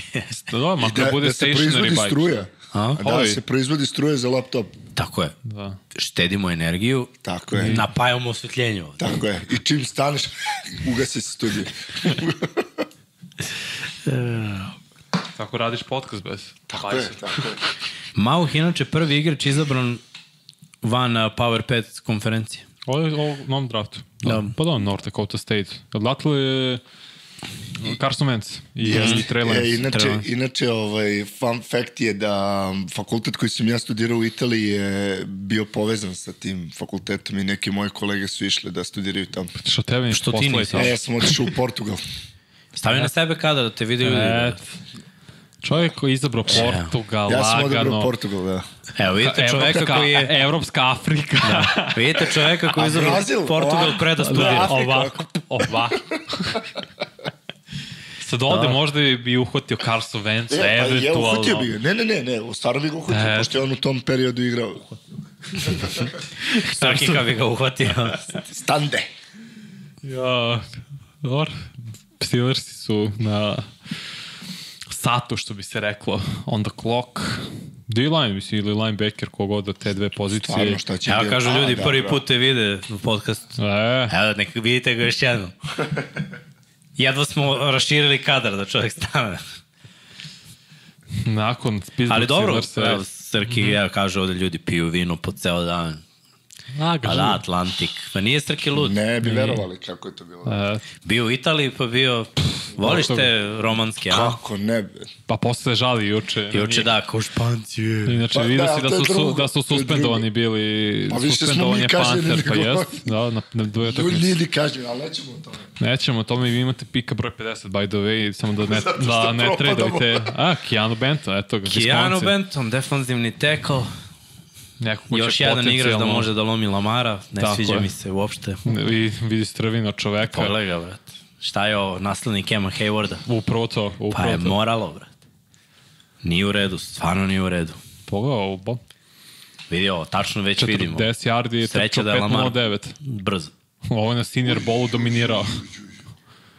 Pro, prosta dominacija je bila. ovo zauzimanje gepa jednom rukom. Jednom rukom i gleda šta jednom se događa. rukom, jednom rukom je, je zatvorio geplik. Samo je ga mako i rekao, moj gep. Stani ovdje i blokiraj za mene. Dobro, Burazeru, to je sve u redu.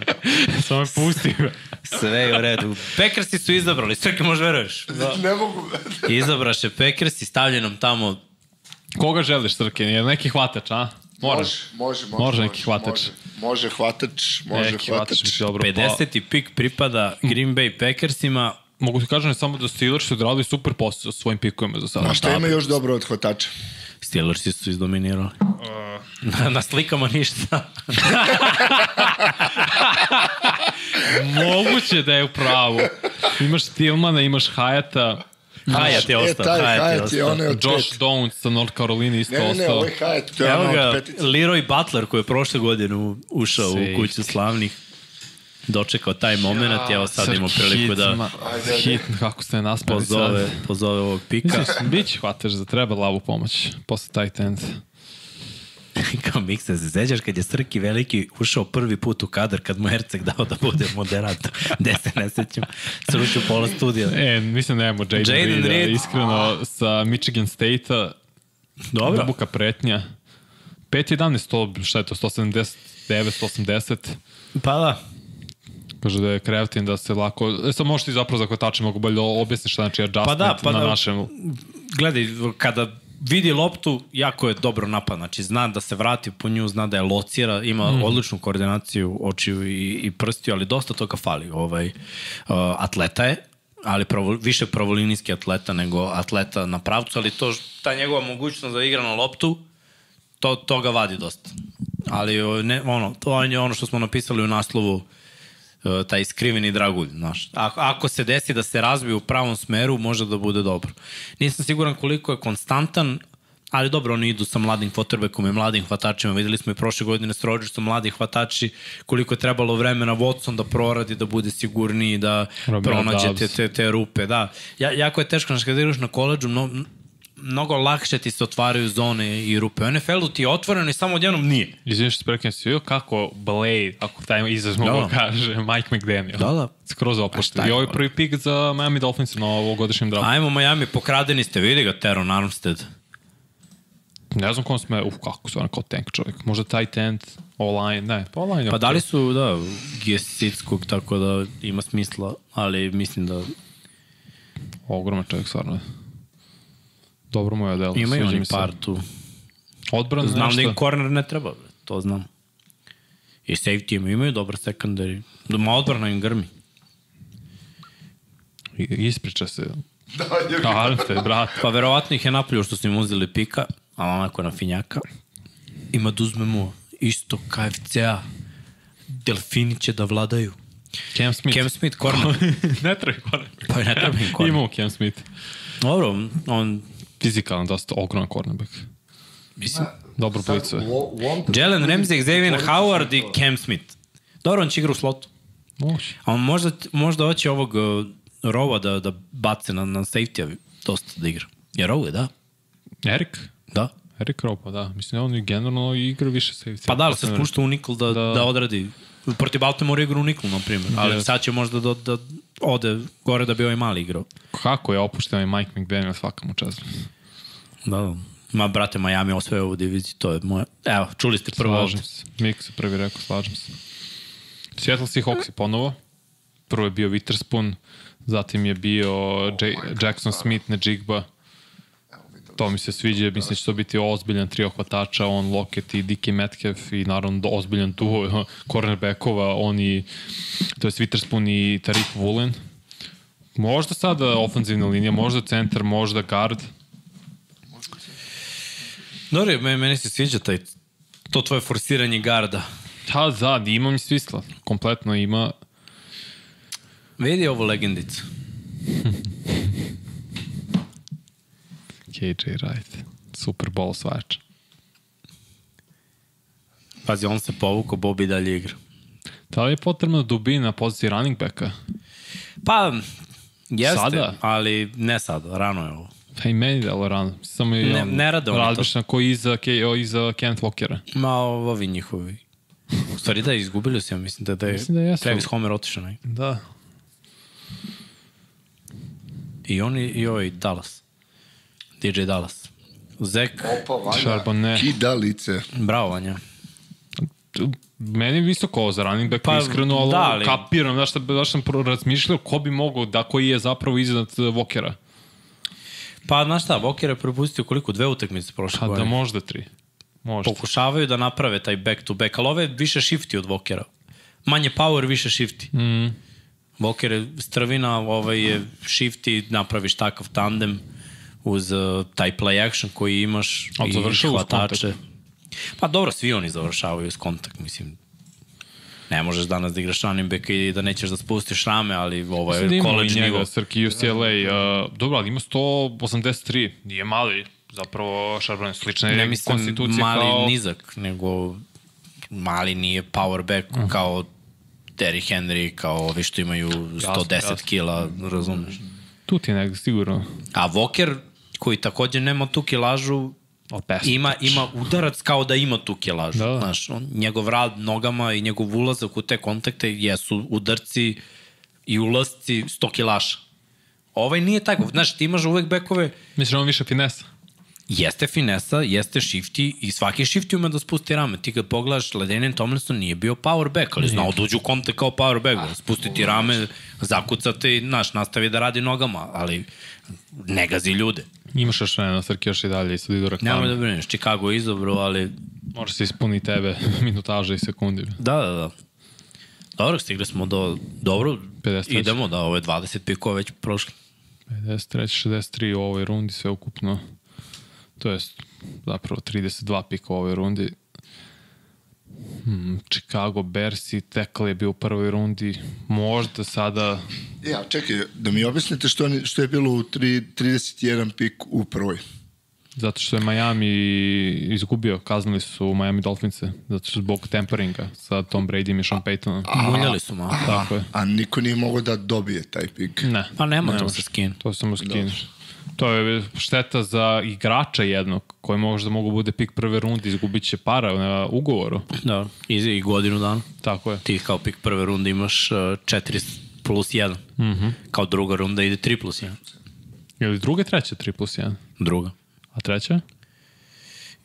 I treća može, ja mislim da ima tu opciju. Ne znam, ja sam pitan, mislim možda jeste. A vrlo moguće da će Da. idu zajedno, brate. Druga i treća. Nisam siguran, ali mislim da, da je treća runda je bio ovaj iz Washingtona Terry McLaurin i mislim da je, da je imao tri godine pre nego što je dobio ugovor. Mm -hmm. Ne znam, On je bio treća runda, da, to, da, to, to da, znam. Da. I mi, nije bilo produženo posle dve. Nije produžen posle tri. Ne znam da li sad imao četvrtu opciju kao team option ili ne, ali okej, pogledat ćemo to, provjerit ćemo. Kažeš ti, Bersi sada bio je tackle, Da li Edge, iako su dobro odradili posao u free agency mislim, ne mislim da su pronašli nekog elektnog edge rushera, već to popunjavanje dubine i dovoli su dobre igrače koji ako ništa drugo su konstantni tight endovi imaju, hvatače imaju, running backovi imaju, tako da ćemo videti sada da li ponovo ofanzivna linija, da li dodatno nju da jačaš unutrašnjost, da nađeš sada centra, izgleda to konstantno forsano kao juče Jimmy Brian Brancha, ili ćeš se pozabaviti eventualno malo sekundarijom. Kako si draftovao Kyler Gordona, prošle godine bio je dobar odabir, i ovog uh, Friskill, kako se već preziva safety, isto bilo su, uboli su baš. treća runda, tako da vidjet ćemo šta mogu Bersi i šta će učiniti sa ovim. Zanimljivi su, znaš. Ja, jako se videlo, mislim, ja sam prošle godine baš skapirao da su oni u ozbiljnom rebuildu i da to neće biti tako lako. Pronašli su ne, neke kockice, ali dalje je to baš daleko. Trebaju im, znaš, trebaju im zvezde, problem je što nisu baš pogodili, ok, ne mogu da tvrdim. Zvu, nije zvučno ime toliko, ajde da tako kažem. Ali sad, sad je možda prilika da ovo, ovo je posljednji voz za zvučno ime. Znači, koliko smo mi izdvojili igrača nekih ti kad si pravio mok da kažeš 60-70, ovo ti je posljednji voz. U principu, 11 pozicija po pet najboljih igrača, 55. Ako smo stavili 75 slika, znači ti si ovde na 53. burazaru, sad je, sad je trenutak. Oni imaju doduče još jednog pika kasnije, u stvari još dva pika, prvi je njihov u trećoj rundi. Da, da. Ali ovaj, u drugoj imaju još jednog pika tamo. Tri od kraja. Tako Ima da mali. mogu nešto da, da urade. Trebalo bi, trebalo bi malo da, da se uloži u defanzivnu liniju. Tu da se pogodi. Pa Zato što su tu se rešili celu svega. odbranu su. Ili deo morali su, morali su da. sve da rasformiraju. Mislim da bi imali budućnost, da bi to bio završen rebuild. Ali su uhvatili dobar voz odlaskom Rodgersa, NFC koji je ušao Jasno. očigledan pad što se tiče talenta. Pa divizija im je u rebuildu. Mislim, Tako je, Minnesota je da, kao da, da. dobra, ali Minnesota je u rebuildu, oni defanzivno su kanta. Nećemo to rivalsko mišljenje. Evo, Ali, šalim se. Zezam se. Samo. Srki, To bi mislim, vi rekli da dovedu krštenu QB-a i u redu smo. Pa, ba, Kazinic je top 12 quarterback u ligi, ne znam. u NFC-u drugi možda. Vo- Volim to top 12. A neću kažem top Brate, 10, u ali je NFC-u drugi quarterback, pa ti ali je vidi. tu. Bolje imaš Kazinice nego da nemaš quarterbacka da imaš, ne znam, Baker Mayfield. Izabrali su Devina Hestera. Opet. Vidi ga Devin Hester, legendica. 20 pantova i kick-offova u karijeri, najviše u istoriji NFL-a. Sumnjam da će ga neko stići. Devin Hester za Hall of Fame kao najbolji return svih vremena. Defanzivni tackle, da. Jerovan Dexter. To treba, Florida. tre, treba im sa Floride. Nema dobar za- univerzitet i moraju da krenu od linije skrimiža. Znači, treba, treba to Ogroman popuniti, treba se vratiti na, na tu istoriju i šta je bilo neka dobro u Čikagu, a to je tabanje. Znači, Najgora kombinacija kad si ogroman, najgora po ofenzivnu liniju i brz. Da istračiš 40 yardi 488 je stvarno za 196 i koliko već kila ima veoma impresivno. Lagan 130. Lagan, lagan. Ništa Srge, sledeće godine 100 igrača stavljamo na listu, pa mislim da ćemo biti pokriveni do tada. A da ih Perać je, Perać je Šta, dodupi, ali... napravili, napravili smo po pozicijama na da. listi, sad ne znam kako je izbacio Ne, posle. ne, da, izba... da, ne, ja sam teo to da, da ovaj, da, odrenim ima smisla, klasifikaciju da bude po pozicijama, ali kad je OBS odlučio da, da, da failuje i, i da odustane, onda smo se E, ovako. E, Mi smo na redu, ja sam na zelanje. red. Tight end. Čažišti su izabrali, Hoću Darnell Washingtona, hoću neku stravinu koja će blokirati i otvoriti se nakon bloka. Šta je još ostalo dobro? Taj pitanje tendova? za Vanju, koji je najbolji vrh koji je ostao?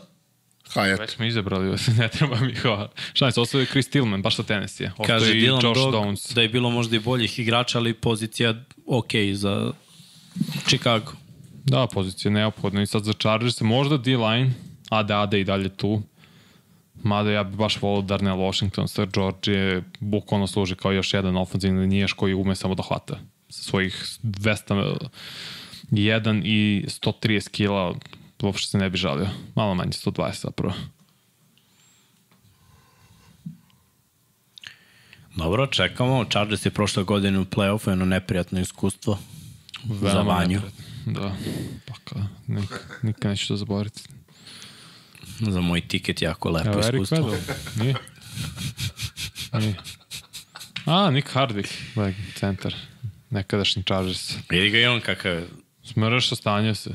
Pa da. Možda D-line, isto tu treba pomoć, bili su jedni od najgorih timova protiv odbrane trčanjem, to zvoli skoro 6 yardi po nošanju, što je zaista neprihvatljivo. Sad kada izaberete kornera, brate. Pa to je okej. Okay.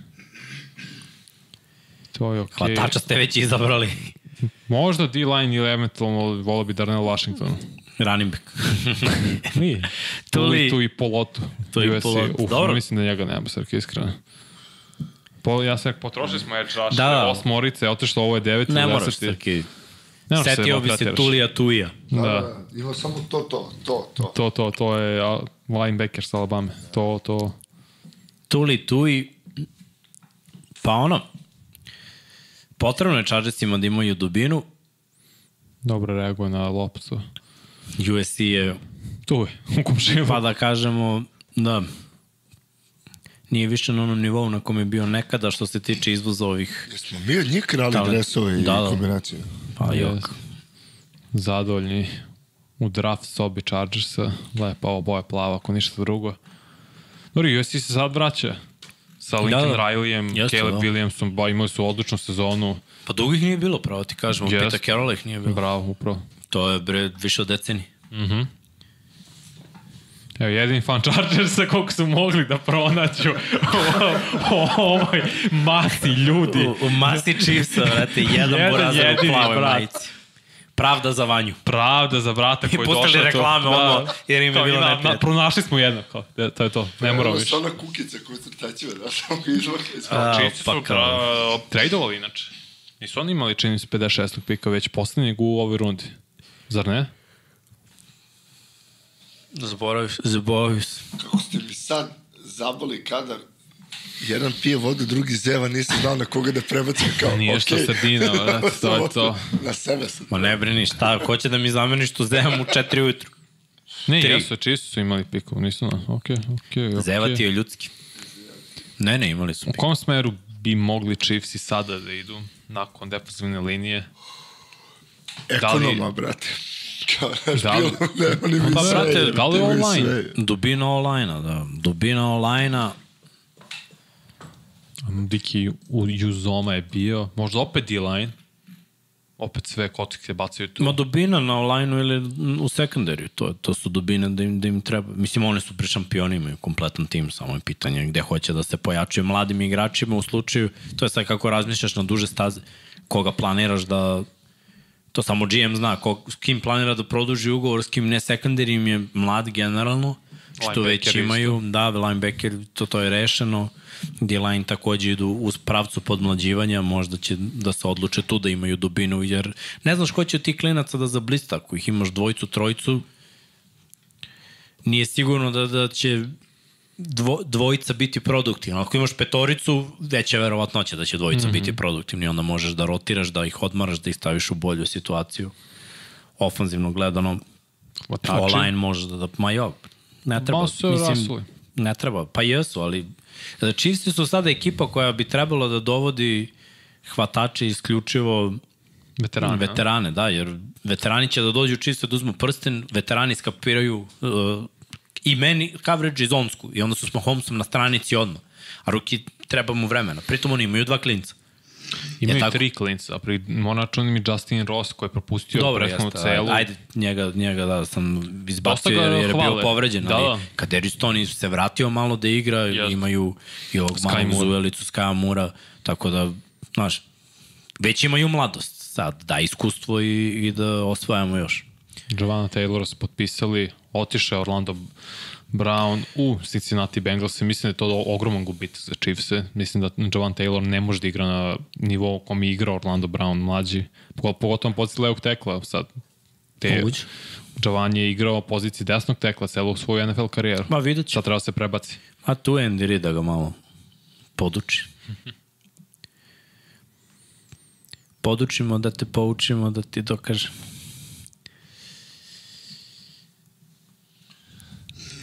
Dobro, i dalje čekamo Chiefsi kao domaćini ovog drafta, da ponovimo još jednom da je u Kansasu mnogo njihovih ljudi, njihovih navijača, sve se crveni, slave svoju titulu, a sada će verovatno da slave i ovaj odobir. Niko ne sumnja u Andy Arida, znaju da čovjek zna šta radi. On i GM isto, odličan. Pa dobro, pazi, od hvatača šta, ovaj Hayat je ostao kao jedan od boljih prospekata, to bi moglo da bude. Da. Dva tekla eventualno, sad su nam predložili, evo šta nam je NFL predložio kao najbolje prospekte, Washington na taj tendu, Torrance na gardu, Hyatt na hvataču, Simpson na linebackeru, Hooker quarterback, to im ne treba, cornerback Ringo, a, Georgia. centar Schmidt, centar im ne treba, defanzivni tackle Mogu Ade da. Bavore i ofenzivni tackle Davan Jones. D. Jones cornerback Stevenson s Miami. Hajde da vidimo koji je 55. pik na draftu i pik druge runde za Kansas City Chiefs. E, Sad radiš na tu i palatu, bio na USC-u, Južna Kalifornija, prelepo sad ide u Chargers, LA. Nije loše uopšte. Ko je gospodin?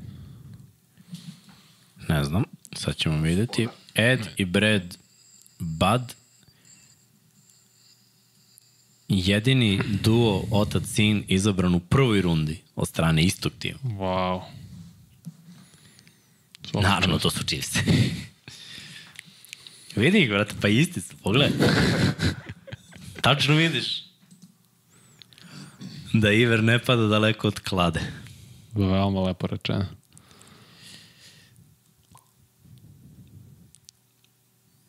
Ajmo. Vidjet će izabrati hvatača, oni su to su Chiefs Da, da, naprave da, naravno. opet milion opcija i oružja za Mahomesa. Bravo. Da, Neko je Rice. pogodio ovde. Filip Međedović, napisao si, brate. Bravo. Bravo. SMU, Kaj ja sam Moja visina- skandal. ma, ma, malo jača moja visina. Malo više ima kilo. Malo. Da, da. Pa ja sam na... Koliko je 200? 204 je 93. Ja mogu, ja. Uh, mislim da ga nemam, iskreno strke. Dobro. Shirice. U odnosu na ove, mislim, Kaderius Tony, Si vidio nekad bele ove golove? mm, da. Da, Stvarno? da. Ja ne. Ma, brate, sve, Samo plavite. svašta sam vidio, da, da. Da, plavi, BYU ima plavi teren. A, teren. Nemaju samo oni, brate. Ima, de, de je igrao Dexter, što je bio kod nas. Kom univerzitetu? Isto je Boise D1, State Boise. State, Boise State. Boys State. Da, Da. Boise State plavo, brate, nije ti dobro kad gledaš teren. Jeste, jeste, jeste. Sećam se. Uh, Rice, Valdez Cantling, Moore, Uh, njega na basketa smo zaboravili. da, da, Vaske je tu, ali mislim, Kaderius Tony takođe. Tako, evo, ispoštovo je sa baci pet, Chiefs. Gde je Smith Schuster je Patriot. Patriot. Patriot. Patriot, Patriot. U, to nisam ispratio. Kad se to desilo? Prošlo, pa u međusezoni. Mislim da je trogodišnji ugovor bio. Kako je to lepo, uzmeš prsten i onda... Bersi, i još uzmeš pare. Da, da. Corner. Evo, već su stigli Bersi, bravo Bersi. Je Hester opet? A naravno, brat ja, Hester. brz, brat. Pa kad je u facilitiju. A što ne? Mislim, se oni dobiju pare za ovo. Ma, brate. I za Devinu Hesteru trebaju pare. A to ne kažem mu trebaju, sam pitan da li dobijaju. Ma, ja. To je čast, brate. Ali platili su mu hotel, klopicu i blejicu. Da, klasik. Evo Taj. Rick Stevens, corner. Iz univerzitama. Emi igrao Hester na Majamiju? Sad si me zateko, brate. Proveri se. Proveri, Srki, da li Devin Hester igrao na univerzit, univerzitetu u Majami. Majami inače pre Alabama držao rekord sa najviše uzastopnih igrača, to je su najviše uzastopnih godina da su imali igrača u prvoj rundi. Od 94. do 2008. pa je sad Alabama vezla 15. Zapravo od 95. do, do 2008. onda je Alabama vezala od 2000... Deveni Hester. Da, Devin Hester. Dobro, sad kad pogledam highlightove, nije loš ovaj mali. Taj Rick Stevens. Igra na loptu. College, Miami Hurricanes. Pa to je to, no. zato je išao sa The U znakom. Dobro, Bersi malo po malo, sad imaju dva kornera, dva mlada, ako ovaj bude pogodak, to, to su pogodci i safety, ok, grade, grade ekipu. Divizija u rebuildu, oni u rebuildu, Da, da. klinci u transu. Sve cveta u Čikagu, u Nema više Rodgersa sad. Je drugi vlasnik, a Giantsi su izabrali. Giants i mora centar. Mislim da je ostao John Michael Schmitz. Ovo je kicker Tynes. Tynes. Tynes bira za, za Dvostruki Giants. Super Bowl osvajač u eri Eli Manninga. Mislim da je treba centar definitivno da završe tu obnovu ofenzivne linije i da pomognu maksimalno Daniel Jonesu koji su potpisali na četvorogodišnjem ugovoru od 160 miliona. I sad će Hyatt, a? Ne, mislim da će biti centar, iskreno. Centar. John Michael Schmidt. Jeste. Njega imamo. Idemo, našem igrača kog imamo. Odličan centar. Bio je najbolji ocenjen centar na koleđu prošle godine. Svake godine je startovao na Minnesota. Stvarno je, zna da igra poziciju centra Ne kao što bi Ima- trebao da igra u NFL-u. Ima smisla sa Dable. Lako će se da se on prilagodi NFL-u. Mislim će od početka biti starter. Kako smo rekli? John Michael Schmitz. Minnesota. Korner. Centar. Centar, centar, centar. Centar. Mislim da da Giants će potražiti hvatača u kasnim rundama i moraju da dovedu nekog slobodnog agenta. Inače je problem. Dallas je izabrao, Nakon ne moraš da žuriš. Srki. Evo i dalje stopa je. Giantsa tu. Opa, bravo. Pa kad ima, odmah se nađe. Bre. Tako je, tako je. Uvijek se uvijek nešto zanimljivo ima kada Šepter ima izveštaj neki ili mišljenje da da. A si mogu ti da staviš slušku u uši, pa da. Jacksi su dobili 136. pik od Bersa da se spuste pet mesta. Dobro. Dobro. A šta je Green Bay uzeo da se spusti? Pa, e, ali pazi ovo, Dallas ste- sad može da izabere tight enda koji im je neophodan. Ostaje Darnell Washington, mislim da se ne bi žalili. Dallas Cowboys biraju. Mazi Smith, definitivno tackle s Michigana su izabrali. Evo ga, njihov Hall of Famer. Od da. prošle godine, Drew Pierce, kreator Marya.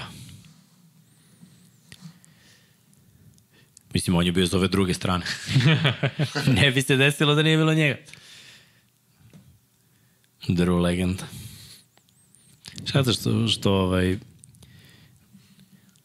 nije bilo načina da, da, da se te neke tekme legendarne gledaju od početka do kraja, nego onako samo u kraćoj formi. A evo još jedan fan Chargers vidi mali. Bravo, mali bre. Ma prodali mu, dali mu Da, to za džabe. Kačke dve. Mali, hoćeš kačke dres, duk sve. Samo budi ovde. Ali ja navijam za Chiefse koja sam odavde, ali sve ti je za džabe. A, dobra, ajde. Aj, čuti. A Keva kao, uzmi to, uzmi. Jeste tight end, nemamo Shoemakera sigurno, još opet igraš sa Michigana, vrlo zanimljiva odluka, ja bi išao sa Darnell Jesi Washingtonom. siguran da je Š? Ako se piše iz school. Šalim se. Maker. Da, Šalim se, možda bre. jesam, nemam pojma. Zbunio sam sad. Je, jesam. Kako god se zatečenog. Možda je sku... Shoemaker. Sku make Da nam je tu Jimmy pa da nam odredi poreklo. Da. Dobro. Michigan u posljednjih par godina Vrhunska. jako dobar program. Lepo je otvorio Radio ovde. je posao, da. Mislim, dalo su treba taj ten i morali su nešto da izaberu i iskreno nismo mi videli ni Šulca, pa je on ispao jako dobar taj ten. Samo što je sada problem jer je otišao Killan Moore, nema Znači, više tog ja ofenzivnog rekao da je ovo- koordinatora, sve se svodi na McCarthy i nek, neku njegovu filozofiju, a evo, Jerry Jones je odlučio da Kažem ti, ovo izgleda kao odbor staro sedeoca i neko, neko je to poredio sa uh, odborom iz Star Warsa, iz filmova. Isto, identično izgleda. Buffalo Još imaju zvezdu. Pa da, The Death Star. Buffalo je izabrao. Jo, kad i gledam ovako ove reklame, bilo koju hranu da vidim, odmah Glad. gladnim. Odmah, instant. Znači, sad bi razbio šta god. Žao mi što nemamo tako bel kod nas, iskreno. Šta tako be, daj mi šta god. To bila je reklama za tako bel, pa mi je Da, ostalo. vidio sam i video. Dovoljno je salaticu sam neku video da tu mešaju. I... Ne, fenomenalno, stvarno genijalci za show business. Ne znam ko je bio lik, neki fitness model koji je izvalio i sad mi stavo mozak. Kako se zove ono što, što možeš da biraš bilo šta što imaš onako jelo, jelo, jelo, jelo, da mu je to jeftinije nego da ode zapravo i, i da kupuje. Kao šta, švedski Pustit će reklamu. bufe. Ne, ne, ne, imaju, uglavnom, uglavnom jesu tortilje i to, ali imaš meso, ali sve, sve im je sveže i sve spremaju svaki dan. Burrito Re, rekao bi, Madre. da, rekao bi ti kao kako je kod nas, ali ne znam Burrito da... Madre, šta? Ne, ne, ne, ne. Ne, ne, kod njih, kod njih. A, ne znam. Kako se zove? To nije tako belo. A nije onaj Nije, nije, sandvič, ali... Subway. Ne, ne, nisu sandvič. što god kažem, Vanja ima odgovor. Ne, ne, nego, nego hrana generalno. Ne, nemam pojma. Kaže, za malo da Mix izreklamira nekoga. uh, Ne. Setit ću se kako, uh, vidi ga ovaj. Subway. Znaš, kad smo se vraćali iz Pariza, nakon Final Fora, stavimo u sred negde Nemačke, Burger King, Mac, Subway i još nešto je bilo. Aj. I kao, brate, šta da jedem? pa kao, bilo je Bilsi- teško odlučiti. O, Billsi su i dalje na redu 59. pik, možda u line malo to da pojačaju nakon što su izabrali Dalton Kincaid i verujem da je Dallas teo Kincaid da su im bukvalno ukrali ispred nosa igrača ili eventualno linebacker pošto je otišao Tremaine Edmonds i dalje postoji tu potreba pored Matt Milana Ajde malo pričamo o Billsima i sezoni, retrospektiva, očekivali smo Super Bowl pre početka, ali nakon toga su neki očekivali da će pasti od strane tigrova bengalskih, što se i desilo. Onako, razočarenje, ali dobro, na pravom su putu, tu su konstantno relevantni, konkurentni, bore se za sam vrh. Ako bi se vratio Von Miller u nekoj dobroj formi, ako bi doveli Deandra Hopkinsa, onda bi stvarno imali pa da kažemo još jaču, Von Miller ih je dosta koštao što nije bio to jer su izgubili to tog elitnog rašera, mislim da ovako generalno gledano je okay bila ekipa. Par igrača tu falilo da se napravi neka razlika.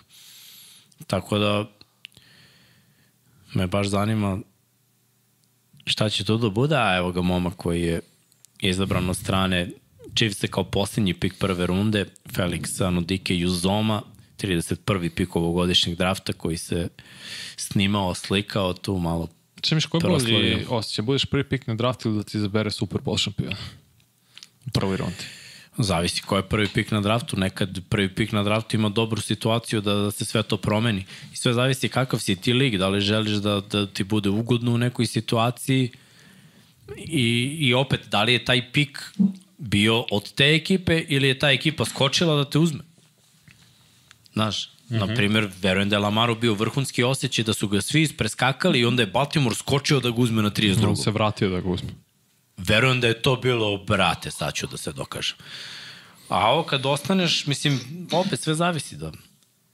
Znaš koliko si ti imao prvih pikova koji, mislim, evo, krenemo od Ilaja Manninga koji bi u fazonu neću igram za Chargers. Strašno.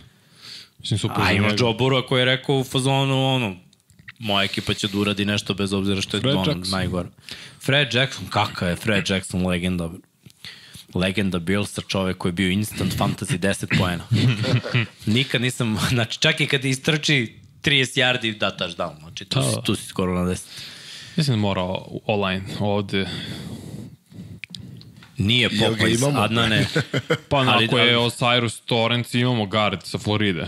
I treba im neko unutrašnjost ofenzivne linije, moraju da obnove. Moraju celo, ali ok, nek počnu s unutrašnjostom centar guard, pa ne onda porade na teklima u narednim godinama. Kako se rekao se zove onaj da, Daris ili kako se rekao? Osiris Torrance. Ne, ne, ne, onaj Jones što sam ja rekao Chris. Davant Jones. On. Opa, Vanja. Evo ga, Osiris Torrance. Evo, moj omiljeni prospekt sa garda Vika Tank sa 196 i 160 Dobro, kg. treba im, treba im. Pogledaj Lakše je Allenu, lakše je running backovima, mislim da će Cook da prosperira ove godine malo više. 160 kila. E, što znaš kaže kako pomeriš nikad. Pogledaj kako igra. Mislim, guard je kao i pozicija running back, malo on, malo manje vredna Da. u NFL svetu. Pazi, zastrašujuće je zamislite Josh Allena sa više vremena. Inače, Bengalsi su izabrali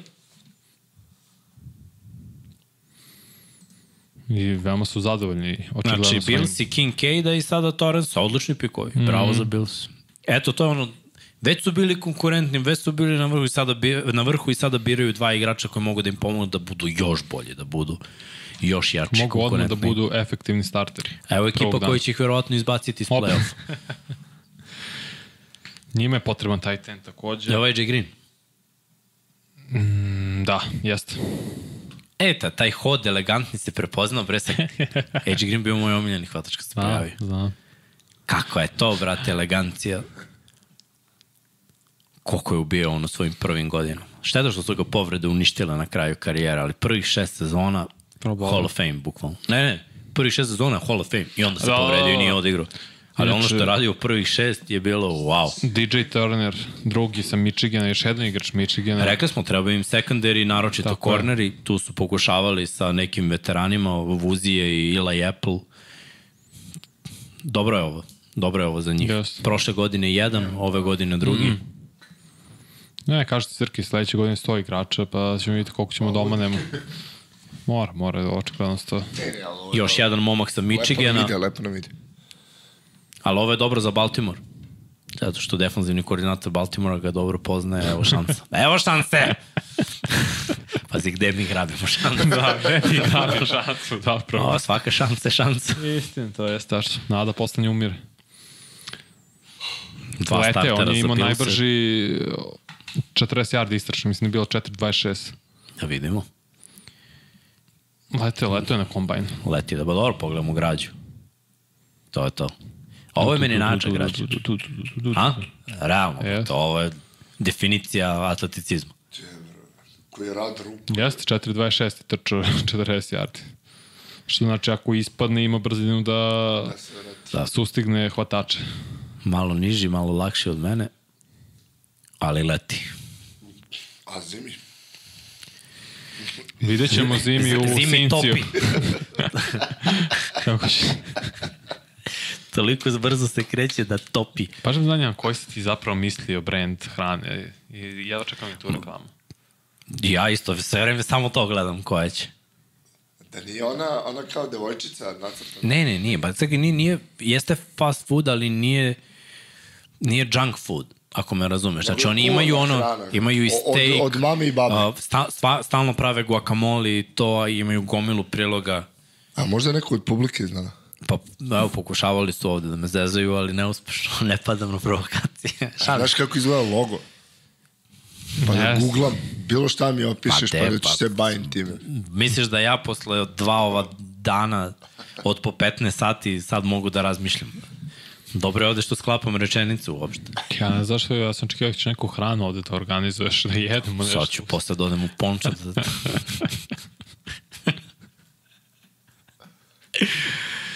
to je najbliže ovo. Što radi? Jeste, Četiri ujutru. Nije tako Nije belo. četiri ujutru, tri. Chipotle. Chipotle, Andrija, legendno. Chipotle. Chipotle, bravo. Šta je Chipotle, Odlično je? Chipotle. Ne znaš šta je Chipotle? Nemam pojma. E, ne znali ti, idi u Portugal. pa popi malo vina. Ja, ruku na srce, ne znam da li ima u North Dakota Chipotle iskreno, ne znam, ali Evo mi jagore ovde. koliko su im dobre reklame, stvarno sam oduševljen. Što to ovde je poznate. A mene ne žele što su im sve te reklame po ovaj tri minuta. Pa dobro, nije. Znaš kad gledam emisije neke, na, ako gledam u live-u, uh, uključim se na pola, vratim na početak i onda kad ide ova samo pa, pa, pa, pa, pa, pa, pa, pa, pa, pa, pa, pa, pa. kao ono brzi driblinzi trening, znaš ono? Jimmy Butler. na vrhom. Ja, nisi čuo izjavu Jeff Tiga na nekom podcastu šta se zapravo desilo u Minnesota na ovom treningu? Kad su se pobili? Nekad su je pobili, nekad je izveo, igrao sa trećim postom. Kad ih je dobio? Da, Da, da. Jeff Tigg ispričao priču, napokon sad, po, po, pustit ću ti posle. 18-6 je bilo za Jimmyov tim. Onda je on dobio i drugu petorku. Ne, ne, ne, koji je rezultat sad? A, ne, ja sam ne znam, vidjet ću. Onda je dobio drugu petorku, onda je otečao u slačionicu, onda je prva petorka sa Tigom dobila drugu, došla u slačionicu iz zove Butlera, on brat otišao već i jednog na TV-u sa Rachel Nichols za intervju da hoće van Minnesota. A ispod, igrao je u Jordan trenerci, a ispod toga kad je skinuo i majicu sa Minnesota Timberwolves i samo isečena Minnesota logo. Dobro, Jimmy je malo, Jimmy je malo... Gde se bre, što ih hvalim, ono, Pepsi. Inače, Filipe, ovo košta ove druge reklame. To je na račun kuće. Polako. Znači, potlo ako hoću, možda se uključi. Samo ne znam kako će nam šipuju ovde. Strežinu morat ćemo neku. da im organizujemo prostor ovde. Ma jako vam napravim jednog guacamole ima da vidite. E, kako provodiš Burritos? prvi, prvi Da, maj? da. Morao bi da, vam- da vas počestim. Kako provodiš prvi maj? Kako provodim Ideš prvi negde? maj? Nemam pojma, možda ću da odem na vikendicu malo da se poigram sa psima i da napravim neku ruštilčinu. Pa lepo. lepo. Ako Anđela hoće da me prati. John Dotson, Josh Downs, Downs je ostao, Downs, pardon, North Carolina. Je prvi u ponedeljak? Jeste. Pa Luka i Kuzma rade posle uveče, tako da ću A, da se vratim do uveče. Što što? Hvala, možda. Znaš ono, će se čuje. Samo recimo ti ja ne radim. Oh, Utorak, početak dana, nešto. pa to je... Pa da, eto, vidiš. Njemu život Portugal, brate. A, zna kako je bio. Moj je život Portugal. Bio sam u Portu i stvarno je divno. Ma naravno da je divno. Sve to što je blizu mora i okeana je divno. Sam misli, da li... Ček, ček, Jack- ček, ček, ček. E? Fred Taylor. Da li? Nisi oče, nešto se nisi opravdao. Da Kako je smršao Fred ja, Taylor, brate. Pa, hvala Bogu. Kakav ubica, ne. Sećaš koliki je bio Znam, čovjek? pa Nisam ga prepoznao, brate. Nisam ja dok nije ispalo ime njegovo, ova nalepnica Kajron. Ti ti ga Fred Taylor, legenda. Te sam kažeš, misliš, da li bi išli na... A evo, idu na to što sam mislio, ne mislio na njega, ali okej. Brenton Strange, Nešto, tight enda. pa da, na taj den nešto nasuprot Javan Ingram. Ingrama, da. Pa Dobro. dobro, izabrali su.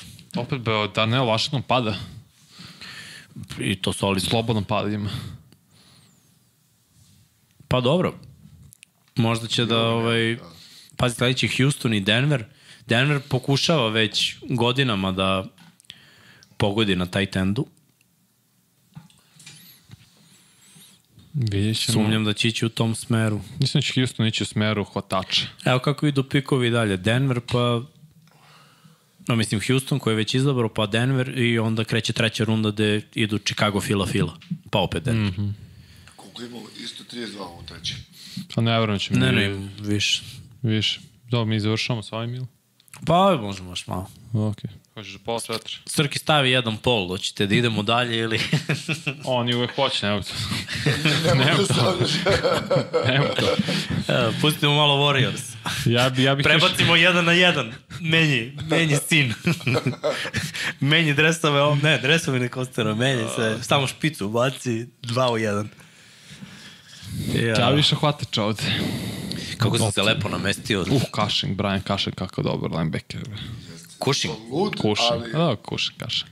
Najviše tako... A šta je on bio dobar, brate? Ti je dobro. Bio je dobar, si mu vidio sliku pre nego što je izašao sa USC-a. Svi storidi ovog sveta su prošli kroz njega. Aha.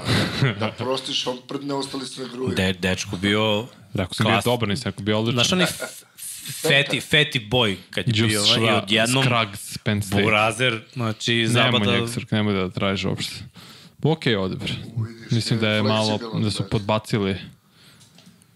Jer su imali i Viplera sa Ohio State-a i Tipmana, čini mi se. Daj pol za transfer na jedan Ne. na jedan. Mislim da je Vipler bio, bio bi bolji. Kakav Ohio show. State. Pa dobro, znaš šta, njima mnogo toga fale, one su stvarno u ozbiljnom rebuildu i ti kada biraš centra, zapravo biraš centra i garda i ono, dve muve jednim udarcem rešavaš. Ako nije startni centar, onda je rezervni gard. A pritom je rezervni centar. Ima smisla, mislim. Evo ga, Demiko Da mi, Dolazi ovo, pritom njemu je najteže. On, on će baš da bude pod lupom ove prve godine i loše je vlasništvo, cela atmosfera, ništa se nije desilo u toj franšizi i mora sada da napravi neki rezultat, a iskreno mislim da, da u AFC-u nema šta da traži baš će biti teško. s rezultatom. Da i u NFC-u pa i ajde nešto se ukrade, a Ko još nema? evo su Ja mislim da su Broncosi, vidi Broncosi što su ovaj, Došli da osvoje Kansas City, brate. Mislim da je Kansas City jedini grad između dve države. Između Mizurija i Kansas.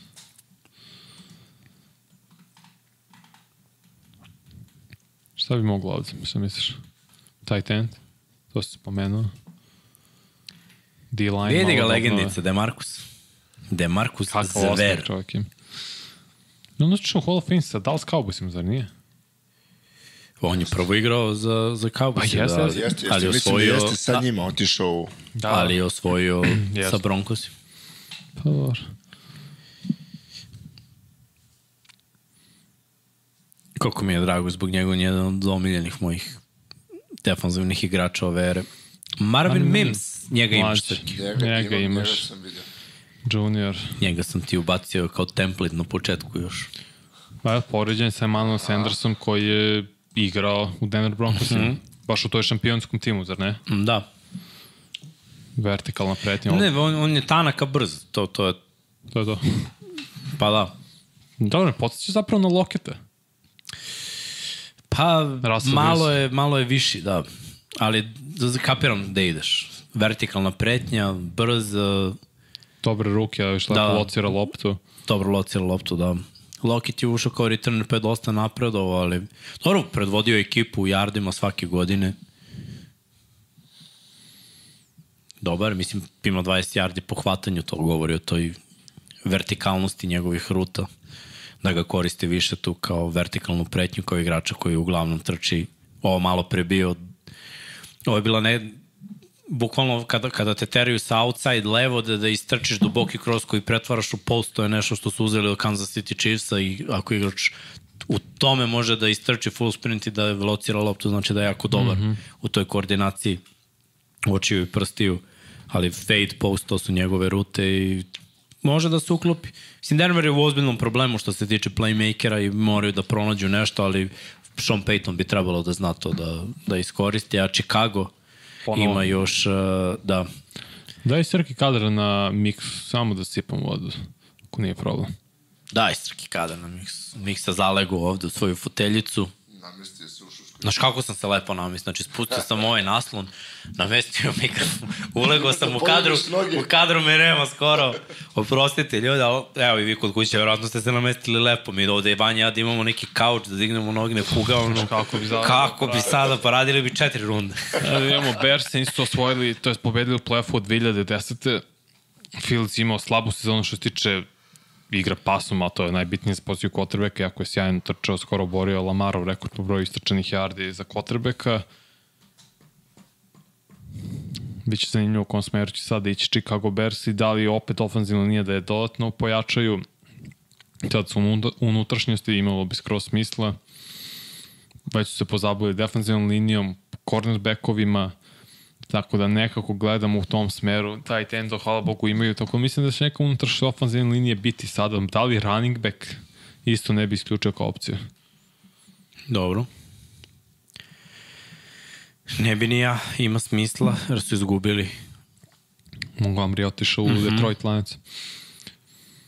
A pazi, onda su birali. Znači, to me tek Detroit nejasno s tim potezom. Pa ne, pa ti si sam rekao, Swift će biti tradovan. Da, da, da. Pa ne, to se šuška, to nije kao ja rekao i pogodio. Nego. To kao ono što sam ja rekao, će ovaj biti MVP, pa si rekao ne. Misliš da će biti MVP? Dobro, da, mislim. To smo čuli, to smo videli, a da li će biti dok ne bude, ne znamo. Ali dobro ti je da ovo pogađanje, pravo ti kažem, ba, baš ti je zdominirao. Hvala, bro. Bolje hvala. nego Kostur za NBA. Istina. Ah, kavaj povređen, šta radim? Upropasti me čovjek. Miami nas je upropastio bojicu, ali dobro. Ne, stalno mi je drago. Da, Zbog čimina mi je drago. jest. Inače, Filan je imala pik u drugoj rundi, ima sada sledećeg pika. Ma da. Ali nakon što su izdominirali, da, Nisu imali sledeće dva dva, ili u prvoj. imali su dva u prvu i uzeli Nolan Smitha i Jalen Cartera. Imaju četvoricu igrača iz Georgia, Georgia, na odbrani, odbrani. koja je 2021. bila najbolja odbrana ikada na koleđu. Prošle godine uzeli Davisa i Dina i ove godine u.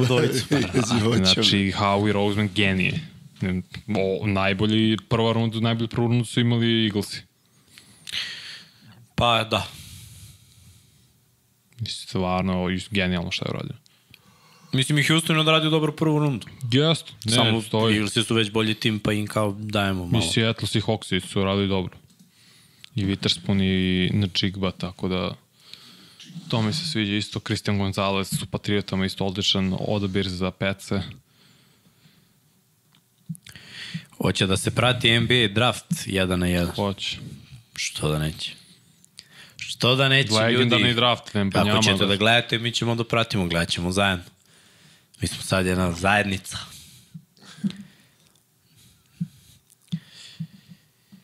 Definitivno sa hranom sledeći put. Da, da, obavezno. To, to će biti obavezno. Ajmo Chicago Bears. Međedi, međedi. Što je Ne dobro. znam ko je gospodin. Ah, ko je gospodin. Dobro mu jakno.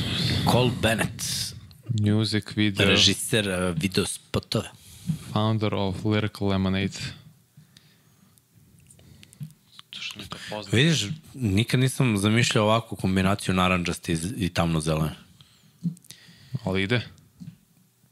Ne mogu da kažem da ne ide. Da bi nosio. Zach Pickens, South Carolina. Nije Još jedan defanzivni tackle.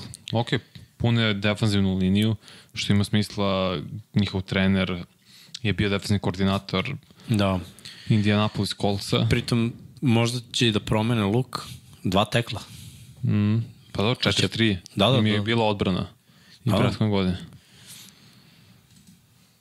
Iberflus.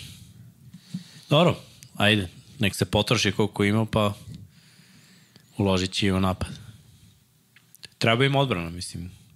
Kad si loša ekipa, preće da ti klikne odbrana nego napad. Odbrana se brže u igri, ima manje akcija i održete u igri. Šta misliš, ko, sa, u kom smeru će ići... Wright, pa Dexter, pa Stevenson i, i Pickens. Ofanzivni tackle, dva defanzivna tackle i corner. Potrebe. Vrhunski draft za Chicago, bravo Chicago. Evo su Eaglesi, baš sad te pitan u kom smeru bi Eaglesi mogli sad da idu. Safety, brate. Jel da? Ma da. Sad je voz. Running back? A šta, mislim, bolje tradu za Swift. Dosta šuška fila, da, da, da, mm -hmm. šuška se da fila njuška. Takve neke bekove. Ovaj, i ima mi smisla, iskreno. Jer su uzeli Penija, oni su uzeli Penija i ajde, on je injury prone, pa Jest. oni gledaju i Kuka i Henrya i Swift osluškuju taj neki trade.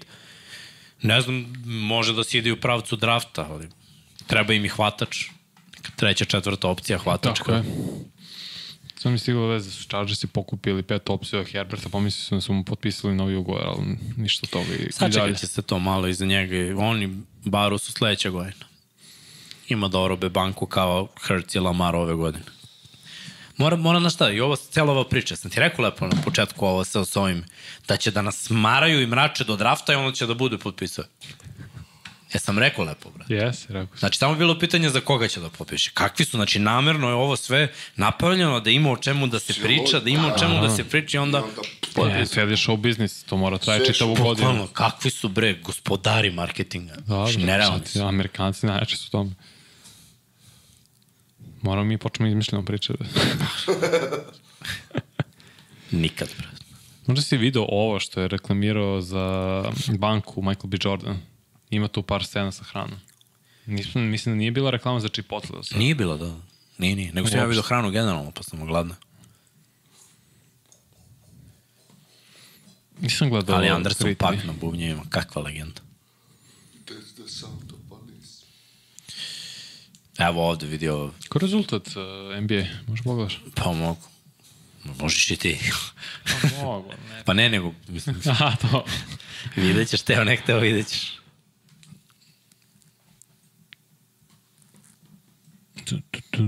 Pred, preduzeće. Znaš šta dugo nisam gledao od filmova? A, gledao, a obožavao sam kao mali. Policijska akademija. Pa da, Kako je to bilo jako?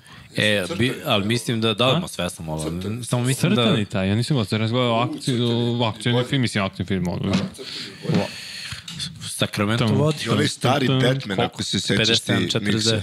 Da, da. Ja se sećam Spidermana, to što je bio iz 90. Čekaj, nemoj da juriš tu mu, molim te, brate. Nemoj. Postoji, postoji opasnost da, da se podcast završi. Ranije.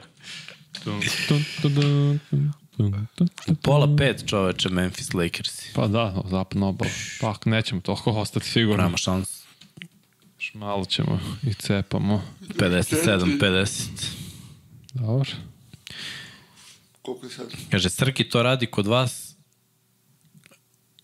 Šta radi? redovno govori da će da dođe u podcast. A ne znam da li misliš na isto tog Srki, a Filipe, ovo je Srki veliki. Srki, prikaži se. Da, da. Show yourself. Opa, nisam to teo. Adam Schefter, izveštaj. Obavešta vas o nečemu bitnom, možda neki trade pa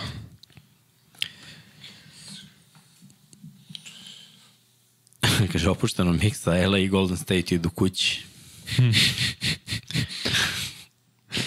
to će vam tek da vidim. a, m, Mislim, Lakersi su već kod kuće. i Golden State je kod kuće. Da. Kada se Znači, vrate tamo. Idu na gostovanje. ne idu kući.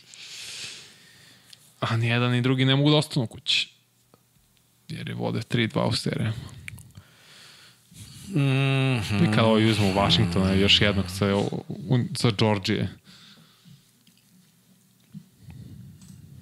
dosta igrača je Fila pustila ove godine. Da, može Trenton Simpson i čovjek pao u treću rundu, linebacker. Meni broj jedan. Ali i na Kobe Dean je pao prošle Gledaj sad godine. kad u treću roknu rundu. neku dubinu na, na, na Ofenzivnoj liniji. Dobre. Ma ne, treba im safety mnogo. Safety im baš treba mnogo. Možda Jordan Battle sa Alabama ili Antonio Jones sa Texas A&M. Možda i linebacker. Mm. Jer smo mi šu, isto tu šuškali. Oni traže, oni da, oni pokušavaju da dovedu nekog, jer su shvatili da je ovo godina da se ponovi Super Bowl, pa da dovedu nekog oprobanog, ali što da ne da imaju dubinu mladog igrača. Doveli, ovaj, izgubili su i Garnana Johnsona i Epsa na, na safety-u, izgubili su Startni par safety. startni par linebackera isto. Da. Da, da. Mislim, izgubili. Ni... Edwards nije potpisan, ne da? To su Chicago. U Chicago, a? Sa Edmundsom. Sa Edmundsom, da, da, bravo, bravo. Ajmo, Fila. Ajmo, Phil. Idemo. Fly, Eagles, fly.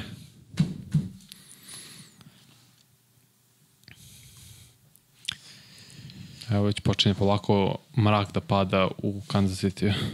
Da, koja promena, čoveče. A ovde da sviće. Pa da, ja dočekali smo jutro juče. To je juč. Danas. Jutros. Jutros. Ko je gospodin? Što svi vole da hajpuje, znači ne, neverovatno su. trend call. Znaš da sam teo da kažem da je trend call. Ne mi znam ko je trend call. Ne znaš ko je trend call? Ne znam. Povuci se u svoje odaje. A. Nema ovde, večere za te.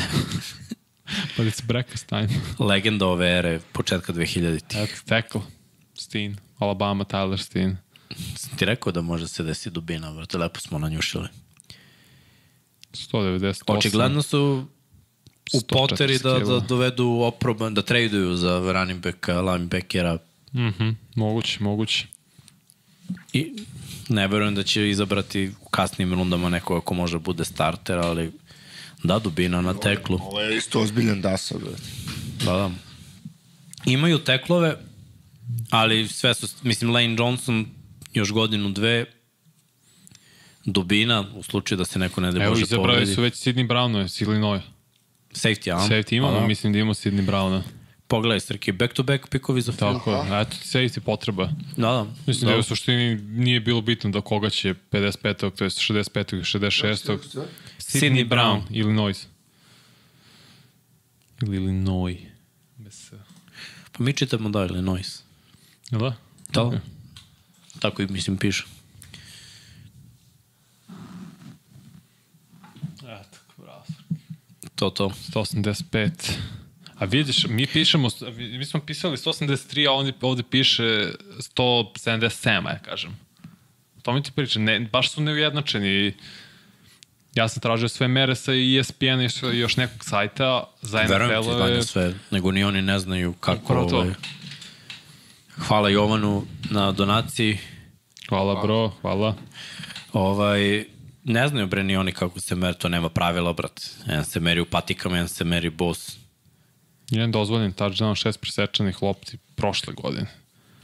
Dobro, imate mere koje, koje su danas se zahtevaju, ono, da kažemo, malo niži, malo brži.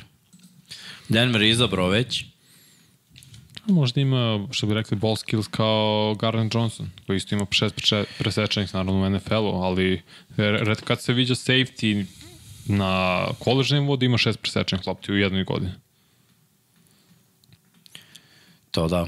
Carter Smith, Stini Brown. Lepo, Lepo. velike škole. Da. Georgia, Alabama, Illinois. Mm. Inače, polovreme je 58-51 za Kings. Dobro, blizu. Znači 3-3, a? Ako i dobro. Ma, A, vidjet ću. ali Mislim vidjet ću. Da. Idu Broncosi sa linebackerom jednim. U odbrana svakako. De Marcus Zver. Opet je Marks. Tam, tam. Pa došao čovjek da odradi. Kakav gospodin. Yes. Sve što je pogledao na sat. Svaki njegov pogled na sat je 10.000 dolara. U njegov čep. Drew Sanders, linebacker. Arkansas. Slips, blocks, mogu me pokriva i tight endove, to je vrlo važno u današnjem NFL-u i pr pre svega zato što igraš proti jednog Kelsija dva puta godišnje. Pa da kažemo da o, o, lepa tehnika obaranja, on je na nekih 105-106 kila. Malo lakši linebacker. Pa i nije da ti kažem. Ovo su anomalije od 110, uglavnom su jesu oko 100-105. O, sa 196. Između 200, 225 i, i 240 su uglavnom danas linebackeri. Jesu, pa dobro. Ovi što su preko su uglavnom Jack Campbell ima 246. Tremaine, Tremaine Edmonds, ali to je sve 100. Ali do, Edmonds je, brate, jedan u... On je 6-5. Pa i ovo je 65. Pa da, ali i kilaža. Koliko ima kilaža Edmondsa na poziciji? 115. Ne, ne, ne, koliko ih ima još, Aha, osim aha, njega pa koji imaju tu kilažu. Li Jack Campbell još sad ima dvojica. to je to. Možda, tako je. On je baš anomalija. Mm. Mislim, teško je da budeš toliki da se krećeš brzo kao što se on kreće. Ti moraš da skineš kilograme da bi bio Kapira, brži. kapira. Nikad nisam imao taj problem, ovaj, ali znam, ono, sećam se i priča ovih naših igrača importa ko, koja je razlika kada imaš ono, kada si tu 100, 105, veliku razliku pravi u eksplozivnosti i brzini. Pa to, to je ranac na leđe pa trči. Ma na moju kilažu i nije toliko strašno, znaš. Ja to mogu da rasporedim i da ne osetim, ali na njihovu kilažu se, se više oseti. Meni dalje ono 83 ili 88, samo sam kompaktniji, da, ne bude mi 100 mnogo teže. 100, 105 A 100 ili promena 105 pravca. je velika razlika. Posebno kad se ukopaju. No. Dosta bre više Amerikanci s ovim hranama bre, šta vam je? Kaže, Jopa Miksa, moja prognoza je bila da će Bullsi dobiti Bakse umesto Bullsa dobili Miami. Dobro. Reći ću Janisu, brate, šta si mu uradio, što si ga izbaksuzirao. Janis legendica. Koliko dobar momak. Šalje sve pare Kevi. Ne šalje poslove mamu u Ameriku i kupio kuću. Pre je slao u ruke Celu godine. porodicu je rešio. Znaš za to brate. priču? Mm. Da, da, što je trčao, brate, na tekmu pa su ga odvezli neki ljudi jer su ga prepoznali. Ma te sve njegove priče, brate, mnogo prizeman, normalan momak, brate, redkost. Pa redkost odakle je došao i kako je nastao. Pritom šaljiv, ono, šaljivđija, pozitivan lik, totalno. Čekaš da odaremo još par pikova i da polako Možemo, brate, završimo. evo ovako, sada uh, Detroit bira, Zaokružite ga na neku lepu cifru. a teo sam da do, do ovaj, 70. nema, kakvi, to je to. Odradit ćemo, odradit ćemo još Houston i to je to. Pa da 70, brate. Još dva. Je to okej? Okay. Ili hoćeš baš 69? Ajde, može 70. Sa što ne tiče možeš 69, da. 99 yardi, 69 najboljih Da. igrača. 70, ajde, zaokružujemo. S Raidersima. A eto, makar to su dobili. Ajde, Ako zasluženo. ništa drugo. Pozdrav za Dom Pablo. Osim ako Baltimore ne traduje za 71. Onda već. to je gratis. To imate gratis od mene. Že Lionsi uzimaju hukera da premoste Goffa. Nije naravno. Šta si pitao, Sergij, da li hoćemo? i- Još malo posle da... Ne. Ne, No, brzinski, brzinski do, evo ga, već pola četiri, taman dok sve ovo pogasimo. To je četiri, dođemo kući, dok jedemo nešto, to je pet. To su, već, to su već Luka i Kuzma i...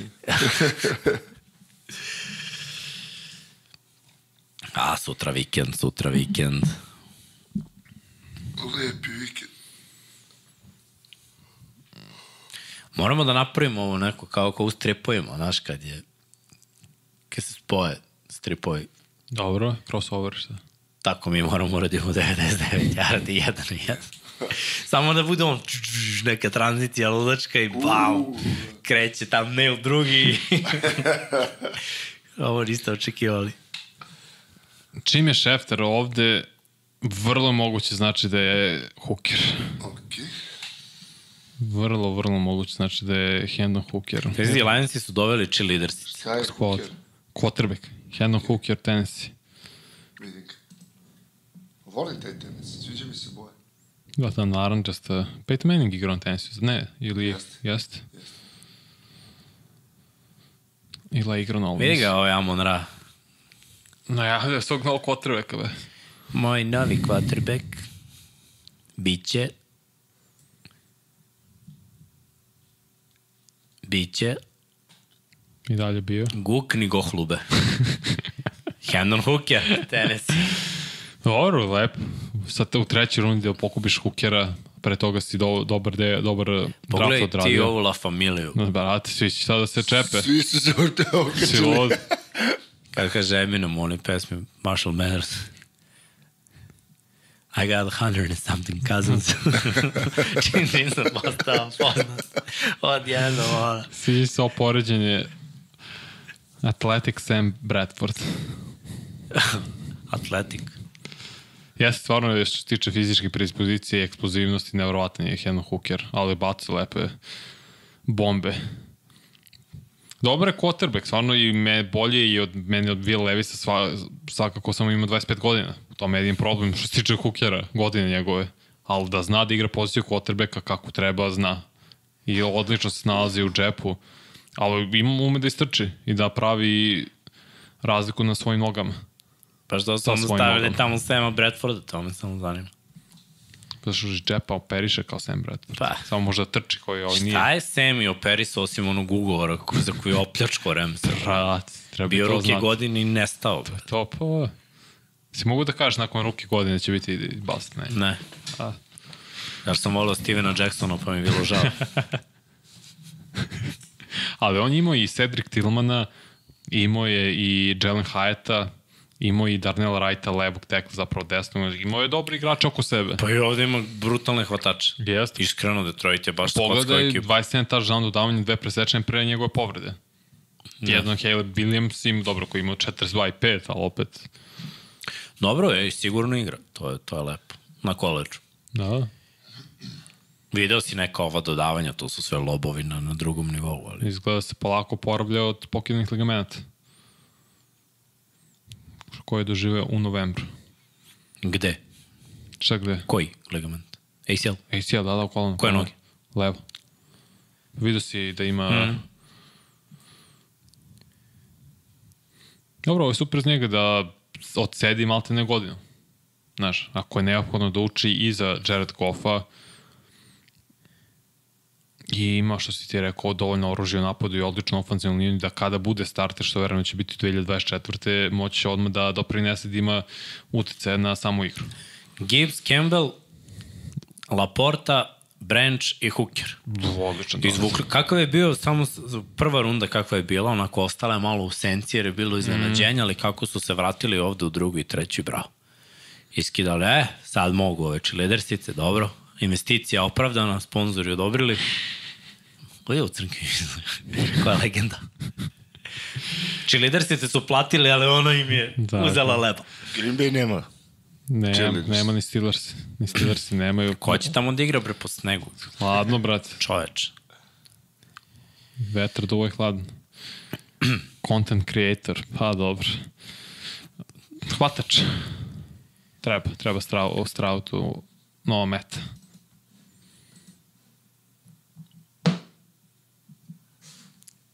Sad su krenuli ovi skill, skill pikovi. Mm. Ne, Tank Dell. Tank Dell. Houston. O, pa ode Hyatt, pada bre Hyatt. Eto, Kad vidim poređenje s Markistom Brownom, srećno vam bilo, brate.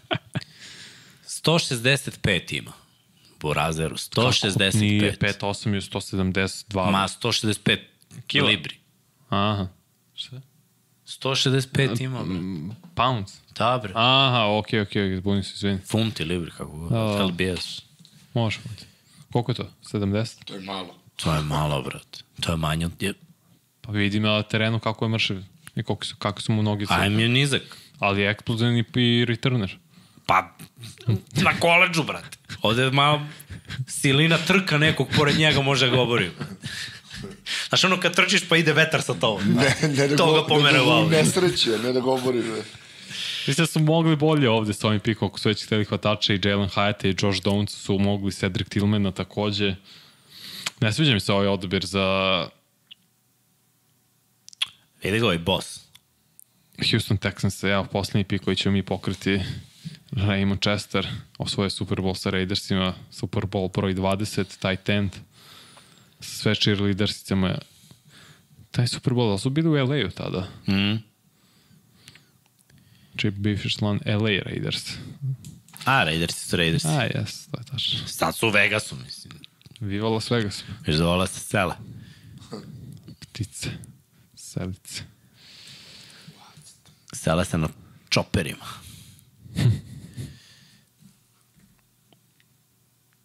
Hoćeš li reći čoveče? Čekaj da ispriča priču. Nije džaba izašao sa četiri cheerleaders i to sad samo kaže o taj. Nego, znate kako sam ja došao? E da vam ispričam. During the war, znaš ono mućka mu, kad krene, strika. Svaka priča mu počinje, during the war. Jako. Ne znam, otišao može, možda D-line ponovo da se jače. Da secondary isto potreban. Neophodan zapravo, mislim, nevratno mi da će ostaviti ponovo secondary ono, upražnjen. Da će opet dopustiti da ih teroriše, pre svega sobstvena divizija. I Herbert, Wilson i Mahomes.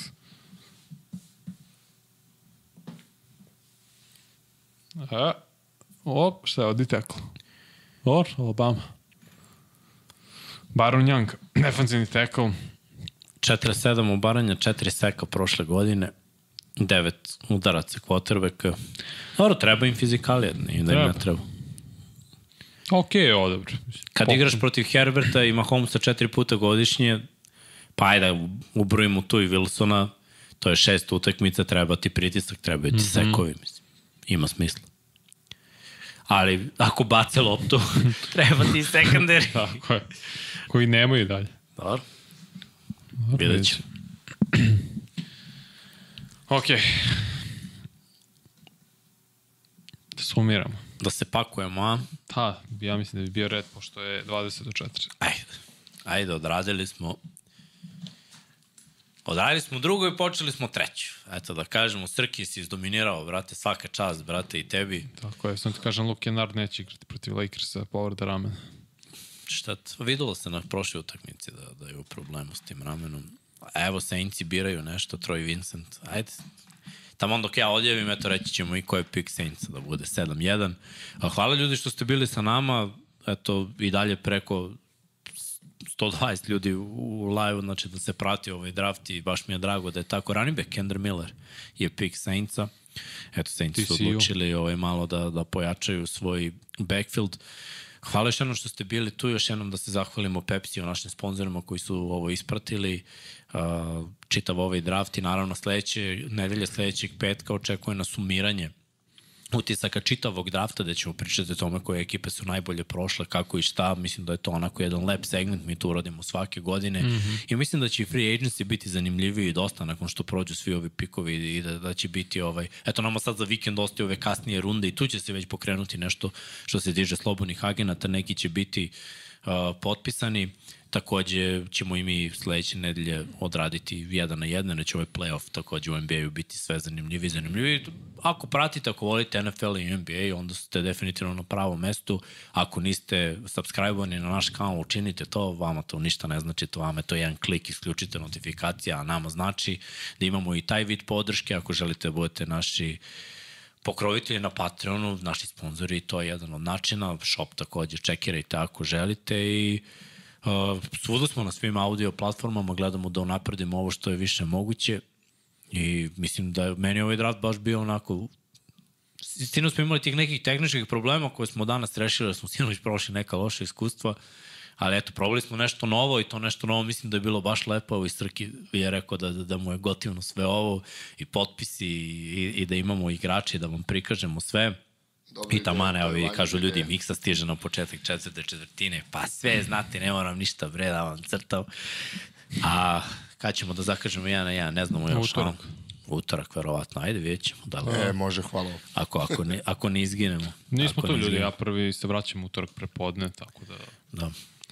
Ima dosta ovde u studiju, već sam vam pričao da je bukvalno kao na metro stanici samo ču, ču, ču, ču. I, i, i to nekoj a, japanskoj i, ili ovaj američkoj. O, šta, to bi bilo to. 133. podcast, 99 yardi, Srki pre nego što završimo, pusti video Patreone, pa onda reklamica, pa onda šprica, a do sledećeg petka veliki pozdrav od 99 yardi iz Infinity Lighthouse studija. Ćao! Aj, Maksimum chilla, nula gužve lute, maksimum boja, nula osude, maksimum gasa, nula čekanja, maksimum binđa, nula zevanja, maksimum poena, nula game overa, maksimum kombo, nula malera, maksimum lagano, nula smaranja, maksimalan ukus. nula šećera.